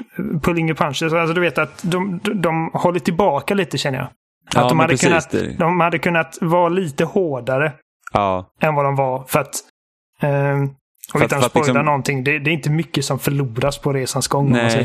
Med tanke på dessutom att eh, den är, det är rätt mörkt emellanåt. Alltså Deacon är ju liksom en trasig person. Som inte, Han är alltså, helt fucked up. Ja, Och, eh, alltså, det är en sån sak som många, eh, jag vet, eh, kanske till och med missuppfattar lite. Att de, de stör sig på att han pratar för sig själv hela tiden. Eh, och att det är liksom som någon form av dålig writing. Liksom att de, de ska liksom... Att de känner att de måste skriva han på näsan. Jag tolkar det mer som att han är bara så jävla dum. Alltså han har blivit så fakt över hela den här situationen. Att han är i princip galen. Han pratar med sig själv. Och han måste prata med sig själv för att liksom inte bli ännu galnare. Ja, det var inget som jag störde mig på vet jag i alla fall. Nej. Eh, men anledningen till att jag gillar det här spelet också, upplägget i det. För att som sagt, Assassin's Creed liksom har ju lagt liksom egentligen den här mallen för hur Open World-spel ungefär fungerar. Pluppar på kartan-mallen. Precis. Ja. Eh, och Days Gone hade kunnat vara ett sånt spel som har pluppar på kartan, men de har inte det. Utan de har liksom, varje grej fungerar som en storyline i spelet. Så att det, liksom, det här är liksom en quest-line för det att göra. Och där ryms liksom både huvuduppdragen som är storfokuserade och, och alla sidoaktiviteter också. Eh, och de ligger inte, man får dem lite pö om pö. Så att du har liksom inte dem hela tiden vilket gör att du kan liksom dra den här storylinen i ett kör. Utan du, du kan liksom göra dem lite ja, men efterhand. Eh, och varje grej, det är inte bara så att oh, här är ett camp, du har bara klarat campet och det är det. Utan du får någonting. Så det, där tror jag de också liksom tittar lite på Breath of the Wild. Att vad än du gör i det här spelet så måste det vara värt för dig att göra det även om du har gjort det för typ tionde gången. Mm. Så att jag gjorde typ alla grejer. För att jag, jag vet att jag kommer få antingen eh, grejer så jag kan uppgradera min hälsa eller någonting sånt. Eller få typ eh, om man kan få pengar till att kunna köpa nya vapen eller någonting, liksom sådana saker. Så att det, det kändes alltid motiverat att göra de här grejerna. Grejerna Eh. har en impact på, på hur du spelar det. Och Precis. för Och att- sen att man, och de här, kam, liksom de här olika lägren som finns i spelet, de ska man uppgradera också genom att man, man får deras trust och då får, kan man köpa nya grejer hos dem. Eh, vilket gjorde också liksom att, och det, det var en grej på förhand så jag kände att det där kommer bli så jobbigt så att vad fan ska man hålla på med sånt? För att typ Far Cry har haft sånt att man kan typ, ja men gör du mycket åt det här campet så blir det bra. Men det är liksom, de har aldrig gjort det egentligen på ett jättebra sätt. Det gör de här.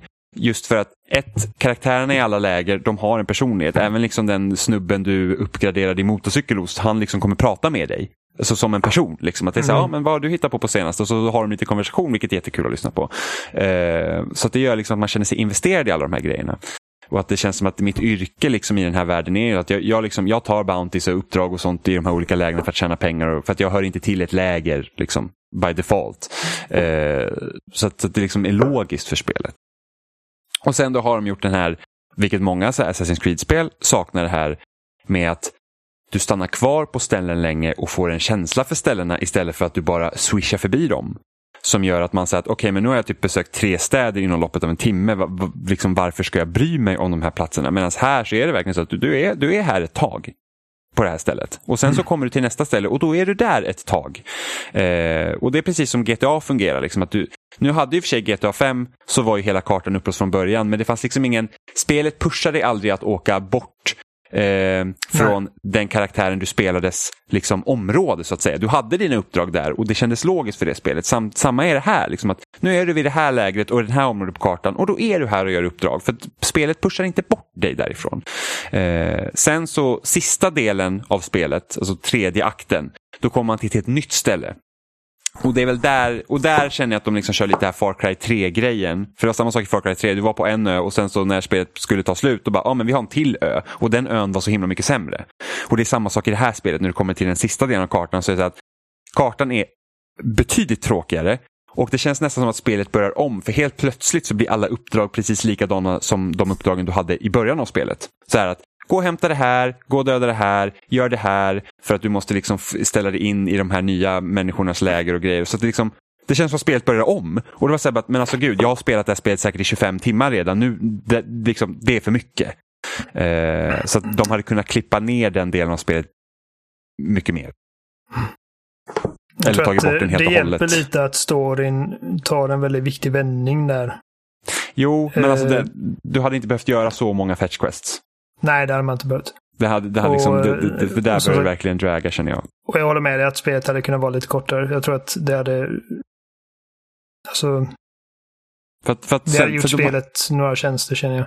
Och jag tror det är för att studion har varit så att det är deras första så här, trippel A-spel. Jag tror det är deras första spel sedan de gjorde Golden Abyss till Vita. Alltså det Uncharted-spelet. Det är möjligt, ja. Och, och liksom det här var liksom deras chans att göra ett liksom storbudget trippel A-spel på PS4. Liksom. Eh, och de har, då har de liksom att det måste typ vara det största spelet någonsin för att det finns massa också narrativa trådar som de bara släpper. Så att i mitten av spelet där så är det att ja, men de planerar åt så här okej, vi har, det kommer massa zombies från det här stället. Just Så vi ska stänga in dem i den här grottan och spränga den så att vi stänger in dem där inne. Sen visar det sig att de måste använda dynamiten till någonting annat istället.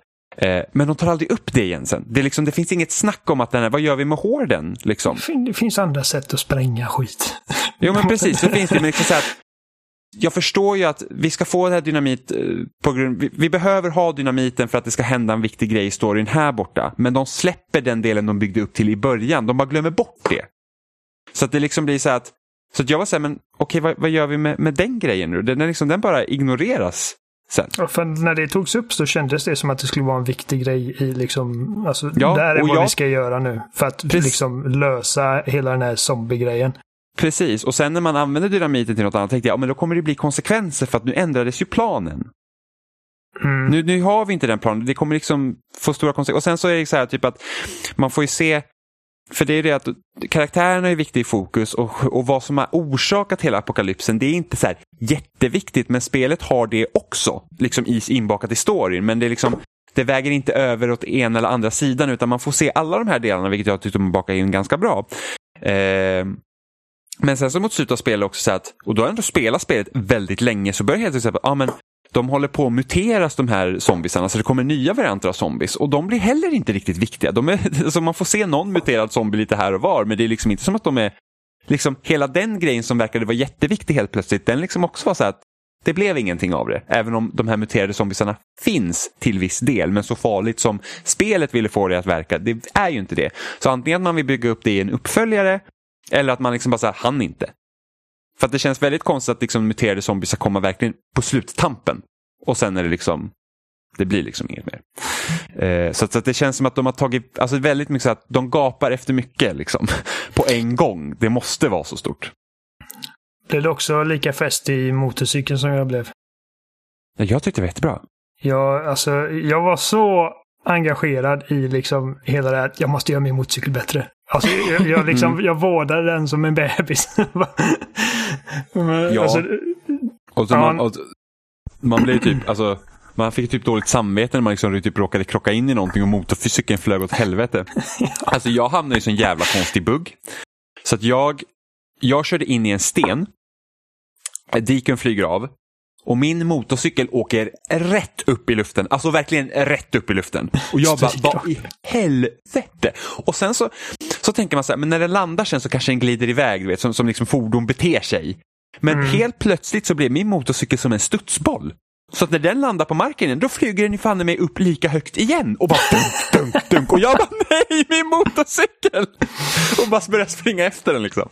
Så att, eh, alltså det var, det var så bisarrt. Det var verkligen så här, så det- dunk, dunk, Fick du det här på dunk. film eller bild? Nej, jag glömde ju spara sen. Jag var ju helt, jag var ju i chock. Det var synd. För jag Ja, har ju alltså, en väldigt rolig bild flög. på när jag spelade The Witcher 3 och Roach fastnar i ett läge där han står i luften med både fram och bakbenen. Men bakbenen är som att de står uppe på en platå. Så han har ju liksom Ja. röven rakt upp i luften. ja. Alltså den bilden är som så himla rolig också för det är fullmåne. Så Roach står och visar sin fullmåne samtidigt. Liksom. Skitroligt ut. Det finns så många memes med Roach. Alltså, hur han bo- vill bugga sig in i saker och gå liksom vertikalt upp för ytor. Och...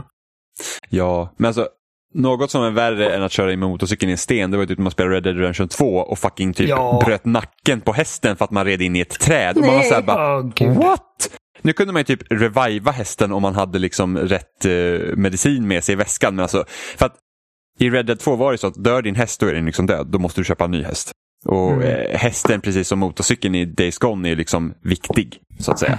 Eh, och det var liksom, så red man in i träd. Man hörde typ bara Och sen var hästen det gör död. det Och man bara, att fysikmotorn är liksom ändå relativt realistisk. i- ja fy fan. För att, Alltså, alltså, det, det ser verkligen ut som att det är samvete. liksom en bäst på typ alltså ett ton som verkligen åker Ja, rakt in verkligen 100 km i timmen. ner.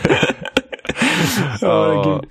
ja, det var hemskt. Men, eh, men alltså, jag gillar Days Gone riktigt mycket. Jag är helt förvånad över hur mycket jag tycker att det är om det. Jag var så här, fan, det hade nog hamnat på min topp 10-lista förra året. Alltså. Jag tyckte att det var jättebra. Mm, ja, ja, ja. Kul ändå. Jag För tror jag att inte du tycker att det är ganska så bra också bara för att du hade så låga förväntningar på det. Jo, men samtidigt så liksom att Alltså jag kan ändå, det är många spel jag spelar där säger att jag tycker inte om det här jättemycket men jag klarar ut det ändå. Liksom typ Rage 2, Far Cry, New Dawn. Men alltså det här var verkligen, alltså jag var superinvesterad. Alltså jag, säger, jag bara, typ när jag var borta från min PS4, jag var så här, fan jag vill gå in och spela Days Gone. Liksom, det var typ det enda jag tänkte på. Så det var liksom, nej, det, det, var, det var superbra verkligen. Uh, mm. Jag hoppas att de inte gör en uppföljare. För att jag känner liksom att förväntningarna kommer vara att det ska vara ungefär lika stort eller större än det här och jag tycker bara så att nej, det behövs inte. Bättre att de gör någonting annat i samma stuk. Ja, ja, ja alltså, ja, något annat och mindre. Liksom tajta till det. Jag tror att det här var en jättebra erfarenhet för studion men liksom tajta till, alltså gör spelet tajtare för att det är liksom det, det liksom kändes som att allt skulle vara med mm. i det här. Alltså jag skulle kunna tänka mig att kanske spela det här i typ studiesyfte, men det är ingenting som ligger högt på min prioritetslista. Det finns så mycket annat som jag hellre skulle vilja spela. Alltså ja, jag skulle inte heller säga så att släpp allt ni har och gå och spela Days Gone. Liksom. Men alltså gillar ni typ open world och liksom här. vill ha... Men liksom, gillar ni open world-spel och ni vill ha liksom, eh, liksom en, en, en story, liksom, att inte bara säga att för att det är det som typ Assassin's Creed haft problem med, speciellt Origins då när de liksom revampade hela serien igen. Så var det att de fick inte med att bry mig om världen för att liksom man kände sig inte investerad. Sen var det bättre i Odyssey till exempel. Eh, men samma med Far Cry-spelen. Jag har inte känt mig investerad i ett Far Cry-spel sedan trean. Liksom. Utan det här, trean var ju verkligen så att ah, men ni är de här ungdomarna som har landat på den här ön. Det är liksom galna människor, ni måste överleva. Det är en ganska enkel premiss att liksom ta sig in i. Och sen efter det, då är det bara så att ah, de försöker göra trean igen och det har liksom aldrig funkat. Eh, så att, ja, men alltså vill man ha en story, liksom, alltså det här är egentligen som GTA egentligen. Inte, inte, inte lika bra som GTA. Men alltså det är liksom Nej. det upplägget, vilket gör att det är enkelt att ta sig in i, enkelt att liksom sugas med i det och bara säga att ett uppdrag till, ett uppdrag till. Jag gillar det jättemycket. Jag, jag, jag är otroligt glad att jag spelade det, för det var ju något som jag absolut inte hade tänkt. Nej, men det, jag, jag var också förvånad över hur mycket jag, jag gillar det. För att, eh, alltså jag köpte det på en rea. Um, för att uh, jag kände väl någonstans att uh, så Sonys första parts uh, titlar, så Zombies Open World, alltså det, det, går ner. Och så var det liksom en torr period där ett tag och jag bara, fan jag, jag ger det en chans. Um, och som sagt, förutom den första timman där jag kände liksom att narrativet kunde putsa till så alltså det, det dröjde inte länge innan jag började känna att men Alltså detta är inte så, liksom, jag tycker det fick ganska oförtjänt eh, liksom blandad kritik när det kom. Ja, med tanke på att liknande spel som är sämre ofta har fått bättre betyg. Det tycker jag är konstigt. Liksom, man... Fast nu tror jag att det här var väl buggar också vid launch, så sa du Oliver. Jo, precis. Det, de har ju smoothats ut lite. Mm. Jag har ju mm. sett, alltså vid lanseringen där så såg jag en hel del klipp på Twitter om folk som satt liksom gömda i någon buske och granskade några zombies på avstånd. Och sen plötsligt så bara spånar en hel liksom hård precis på hans position och han liksom dör med en gång. Uh, jag tycker jag något sånt hände aldrig mig. Jag tycker jag har hört väldigt många som är väldigt osäkra på om de gillar det eller om de ogillar spelet. Att de liksom inte riktigt kan bestämma sig för att det är någonting som, som de tycker om men de vet inte riktigt vad. Och någonstans så tycker de inte om det heller. Mm, men, men hela den här freaky-grejen som de har med de här stora horderna som rör sig, alltså det har de också lyckats rätt så bra med. För det tror jag de har lånat liksom från, titta på State of Decay. För State of Decay var ju så att zombiesarna kändes ganska läskiga i det spelet. Speciellt när man var ute på natten och man hade liksom begränsade resurser. Och här har du också det, liksom, att du kan vara ute. Liksom, säg att du har lite bensin i din motorcykel och så bara, jag måste hitta bensin. Och så kommer man till en bensinmack och så bara, åh, här är typ 30 zombies. Och det, du har ju inte grejerna för att ta dig an 30 zombies. Det är liksom så att för att jag tänkte typ att molotovs och sånt kanske skulle fungera som i Far Cry, så att elden sprider sig. Men det är att träffar du typ inte mitt på, då är det, då är det inte många som brinner upp. liksom. Så att, så att man behövde hela tiden kolla vad man har och sen smyga runt. Var det många zombies, då var det liksom så att då får man fan vara försiktig i början. Vilket gjorde att det var väldigt spännande. Så jag hamnade ju i ett, ett tillfälle så hade jag två hordes på varsin sida som gick runt. Och jag var bara så här, jag kommer inte härifrån. Jag måste gömma mig och bara hoppas att de går förbi liksom, och ignorerar mig. Ja, nej. ja, men lite så. Zombiesarna det... är ju inte en trivial grej. Alltså de, ifall du blir liksom omringad av dem så är du i princip stekt. Ja, uh... men de tar heller aldrig överhanden. Det är liksom inte så att det handlar bara om att skjuta zombies. Eller det nej, handlar bara nej, om att ta ut människor. Så att det är liksom, de har fått, det bra känslan där att du lever i den här världen och det råkar finnas zombies i den. Mm. Och det måste du ta i beaktning när du rör dig.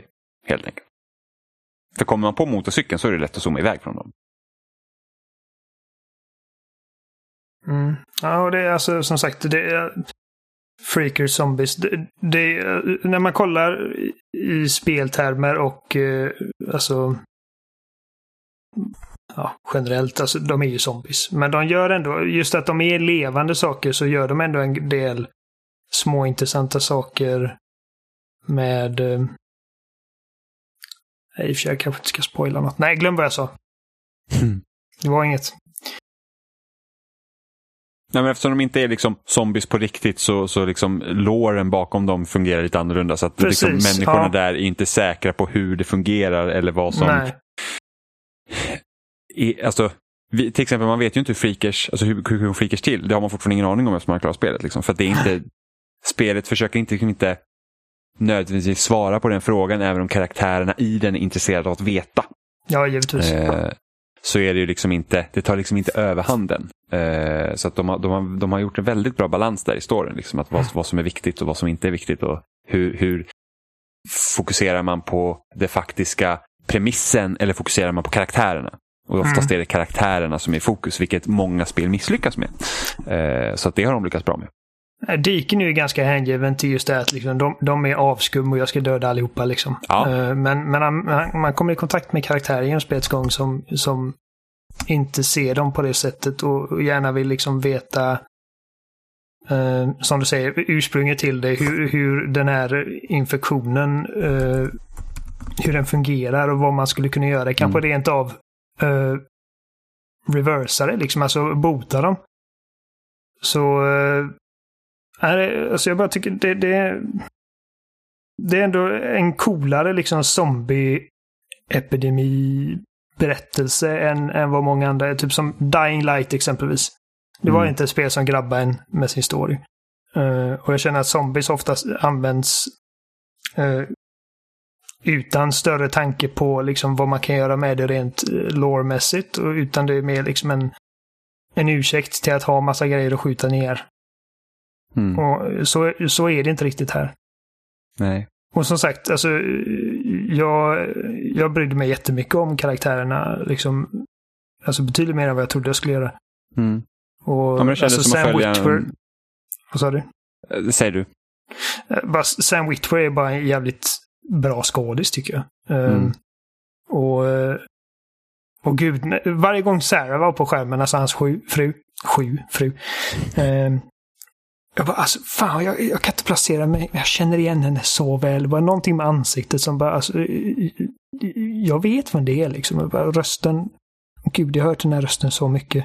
Men det är ju samma skådespelerska som spelar Elizabeth i Bioshock Infinite. Jaha, Eh, nu vaknar jag. Ja. Och, henne, ja, och, hennes, eh, och hennes utseende är baserat på eh, Courtneys eh, ansikte Mm. också. Ja, alla karaktärers utseende är baserade på den som spelar dem. Ja, jag vet att Sam Witwer är det i alla fall. Ja, Boozers karaktär ser exakt ut som den människan gör. Mm. Eh, Så att det... Eh, Och en sån sak med mig, jag, jag, jag, jag satt liksom ett tag genom spelets gång och kände bara, man hade kunnat göra mer med customization. Typ. Alltså jag, jag hade gärna velat välja liksom att ta av hans fula keps och, och byta Alltså han kläder på gifte honom. sig med kepsen. Jag vet. Det är det fulaste. Han har Åh, alltid den nej. bakåt. Han har den Ja. alltid bakvänt också. Han är så Åh, en riktig jävla igen. Ja, och jag tänkte, ja, men då Eh. har de inte orkat modellera hans karaktär utan keps, tänkte jag. Eller, eller orkat, de har inte gjort det helt enkelt för att spara tid. Och sen så kommer man till en del där man får spela utan keps. Jag så här bara, Ja. ni gjorde det visst. Man gifte Jag sig inte med sin keps på sig.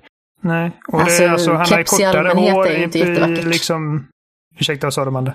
Keps i allmänhet är inte jättevackert alltså. Nej, det är så här, liksom, alltså, så här bakvänt som om man är 12 år gammal. Eh, och även alltså hans, hans hår är annorlunda i, eh, i ba- flashbacksen så att det är inte så att de bara har, har samma, exakt samma karaktärsmodell hela tiden. Eh, men så, så, så det är lite det att jag får ändå respektera att de, de gör det valet bara nej, det är så här han klär sig. Det här Mm. är liksom han, det här är hans personlighet. Han har den kepsen. Eh, den kepsen betyder mycket för honom. Han har sina jättelarviga ringar. För att de har betydelse för honom. Mm. Eh, typ som den ringen eh, som är liksom den här loggan som snurrar i laddningsskärmarna. Ja, precis. Jag bara, det är den fulaste jävla grejen. Men, men samtidigt, alltså, han älskar den ringen. Och, eh, Och den hela lädervästen med hans MC-gängslogga på. Liksom. Det är hans, den är helig för honom. Så att mm. vi får inte det valet att ta den av honom. Han gör det när han tar av den. Ja, spoiler. Han kanske tar av den någon gång genom spelet. Då är det liksom en big deal. oh, för att då är han redo. Att, då är han redo. Liksom, han hänger sig till nästa del liksom. Mm. Um, så ja, mm. nej men jag är väldigt överraskad och, och särskilt att du gillar det. För att jag, jag, jag, jag gillade det mer än vad jag trodde jag skulle göra. Jag var inte övertygad om att du skulle gilla det. Nej, jag gillar det väldigt mycket. Det kändes som att det var ett sånt här spel som jag spelade precis rätt tillfälle också. Ja. Det var länge sedan jag spelade ett Open World-spel. Så att jag tror det hjälpte till att jag inte kände mig lika less på det heller. Men mm. eh, nej, det, jag var väldigt imponerad. Det fanns många bra grejer de gjorde i det. Så att eh, det, ja, det, det är ett mycket bra spel. Men det var väl allt vi hade för den här veckan va? Klockan går. Jag känner... Rakt upp i timekrysset. Ja. Sa du timekrysset? Alltså det är en sketch. Eh, en humorsketch som kallas för Snuskjakten som är med André Wikström.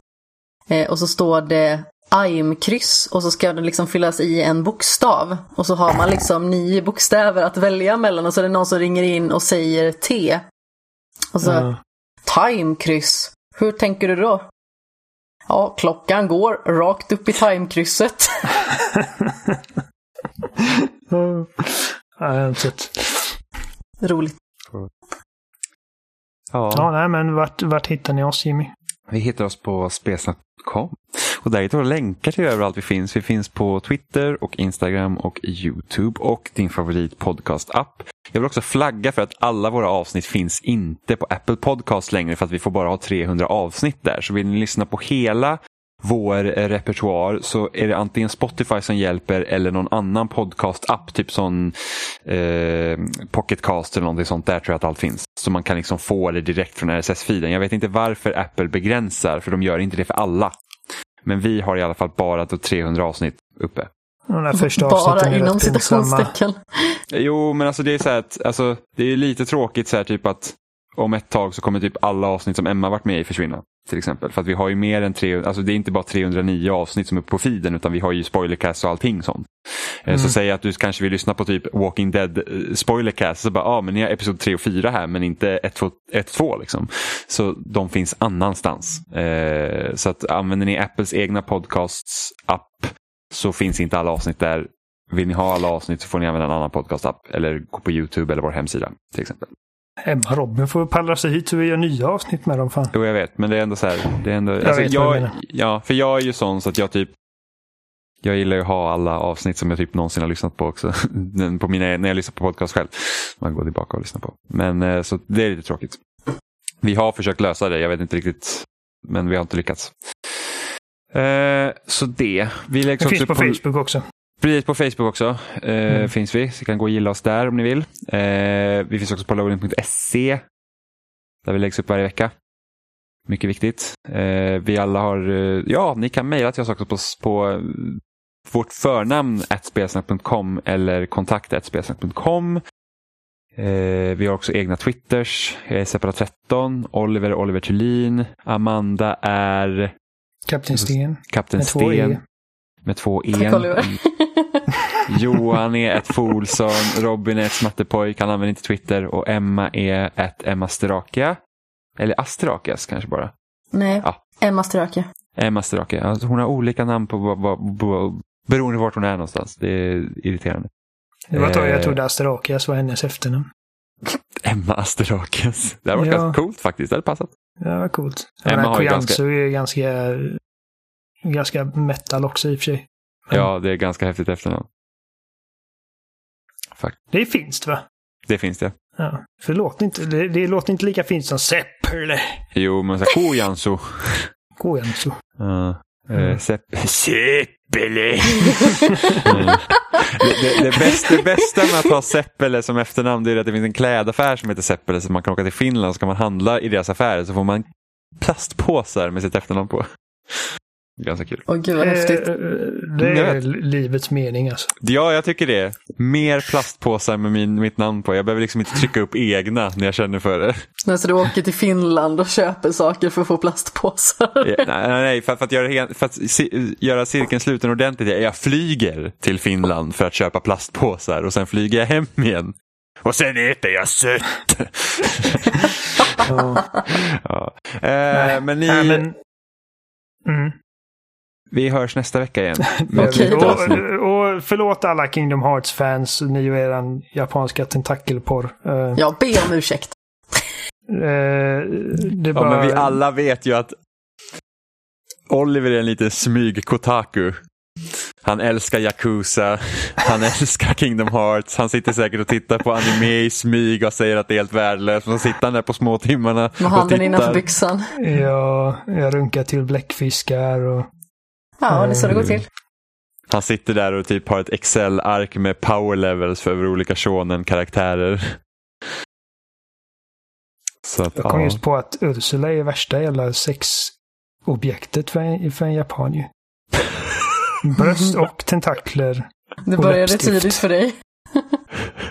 Ja, Hon kom till dina drömmar. Precis. gud. Jag kanske, jag kanske minns de här drömmarna fel. Ja, det öppnades, där Oliver såg Lilla Sjöjungfrun öppnades en helt ny värld av tentakelporr. Och där är det också en referens till Aladdin. Så många sugkoppar att utnyttja. Men gud. Ja, ni, ni, vi säger hej då. Hej, godnatt. Så gör vi. Puss i. Jag ska gå och googla calamari.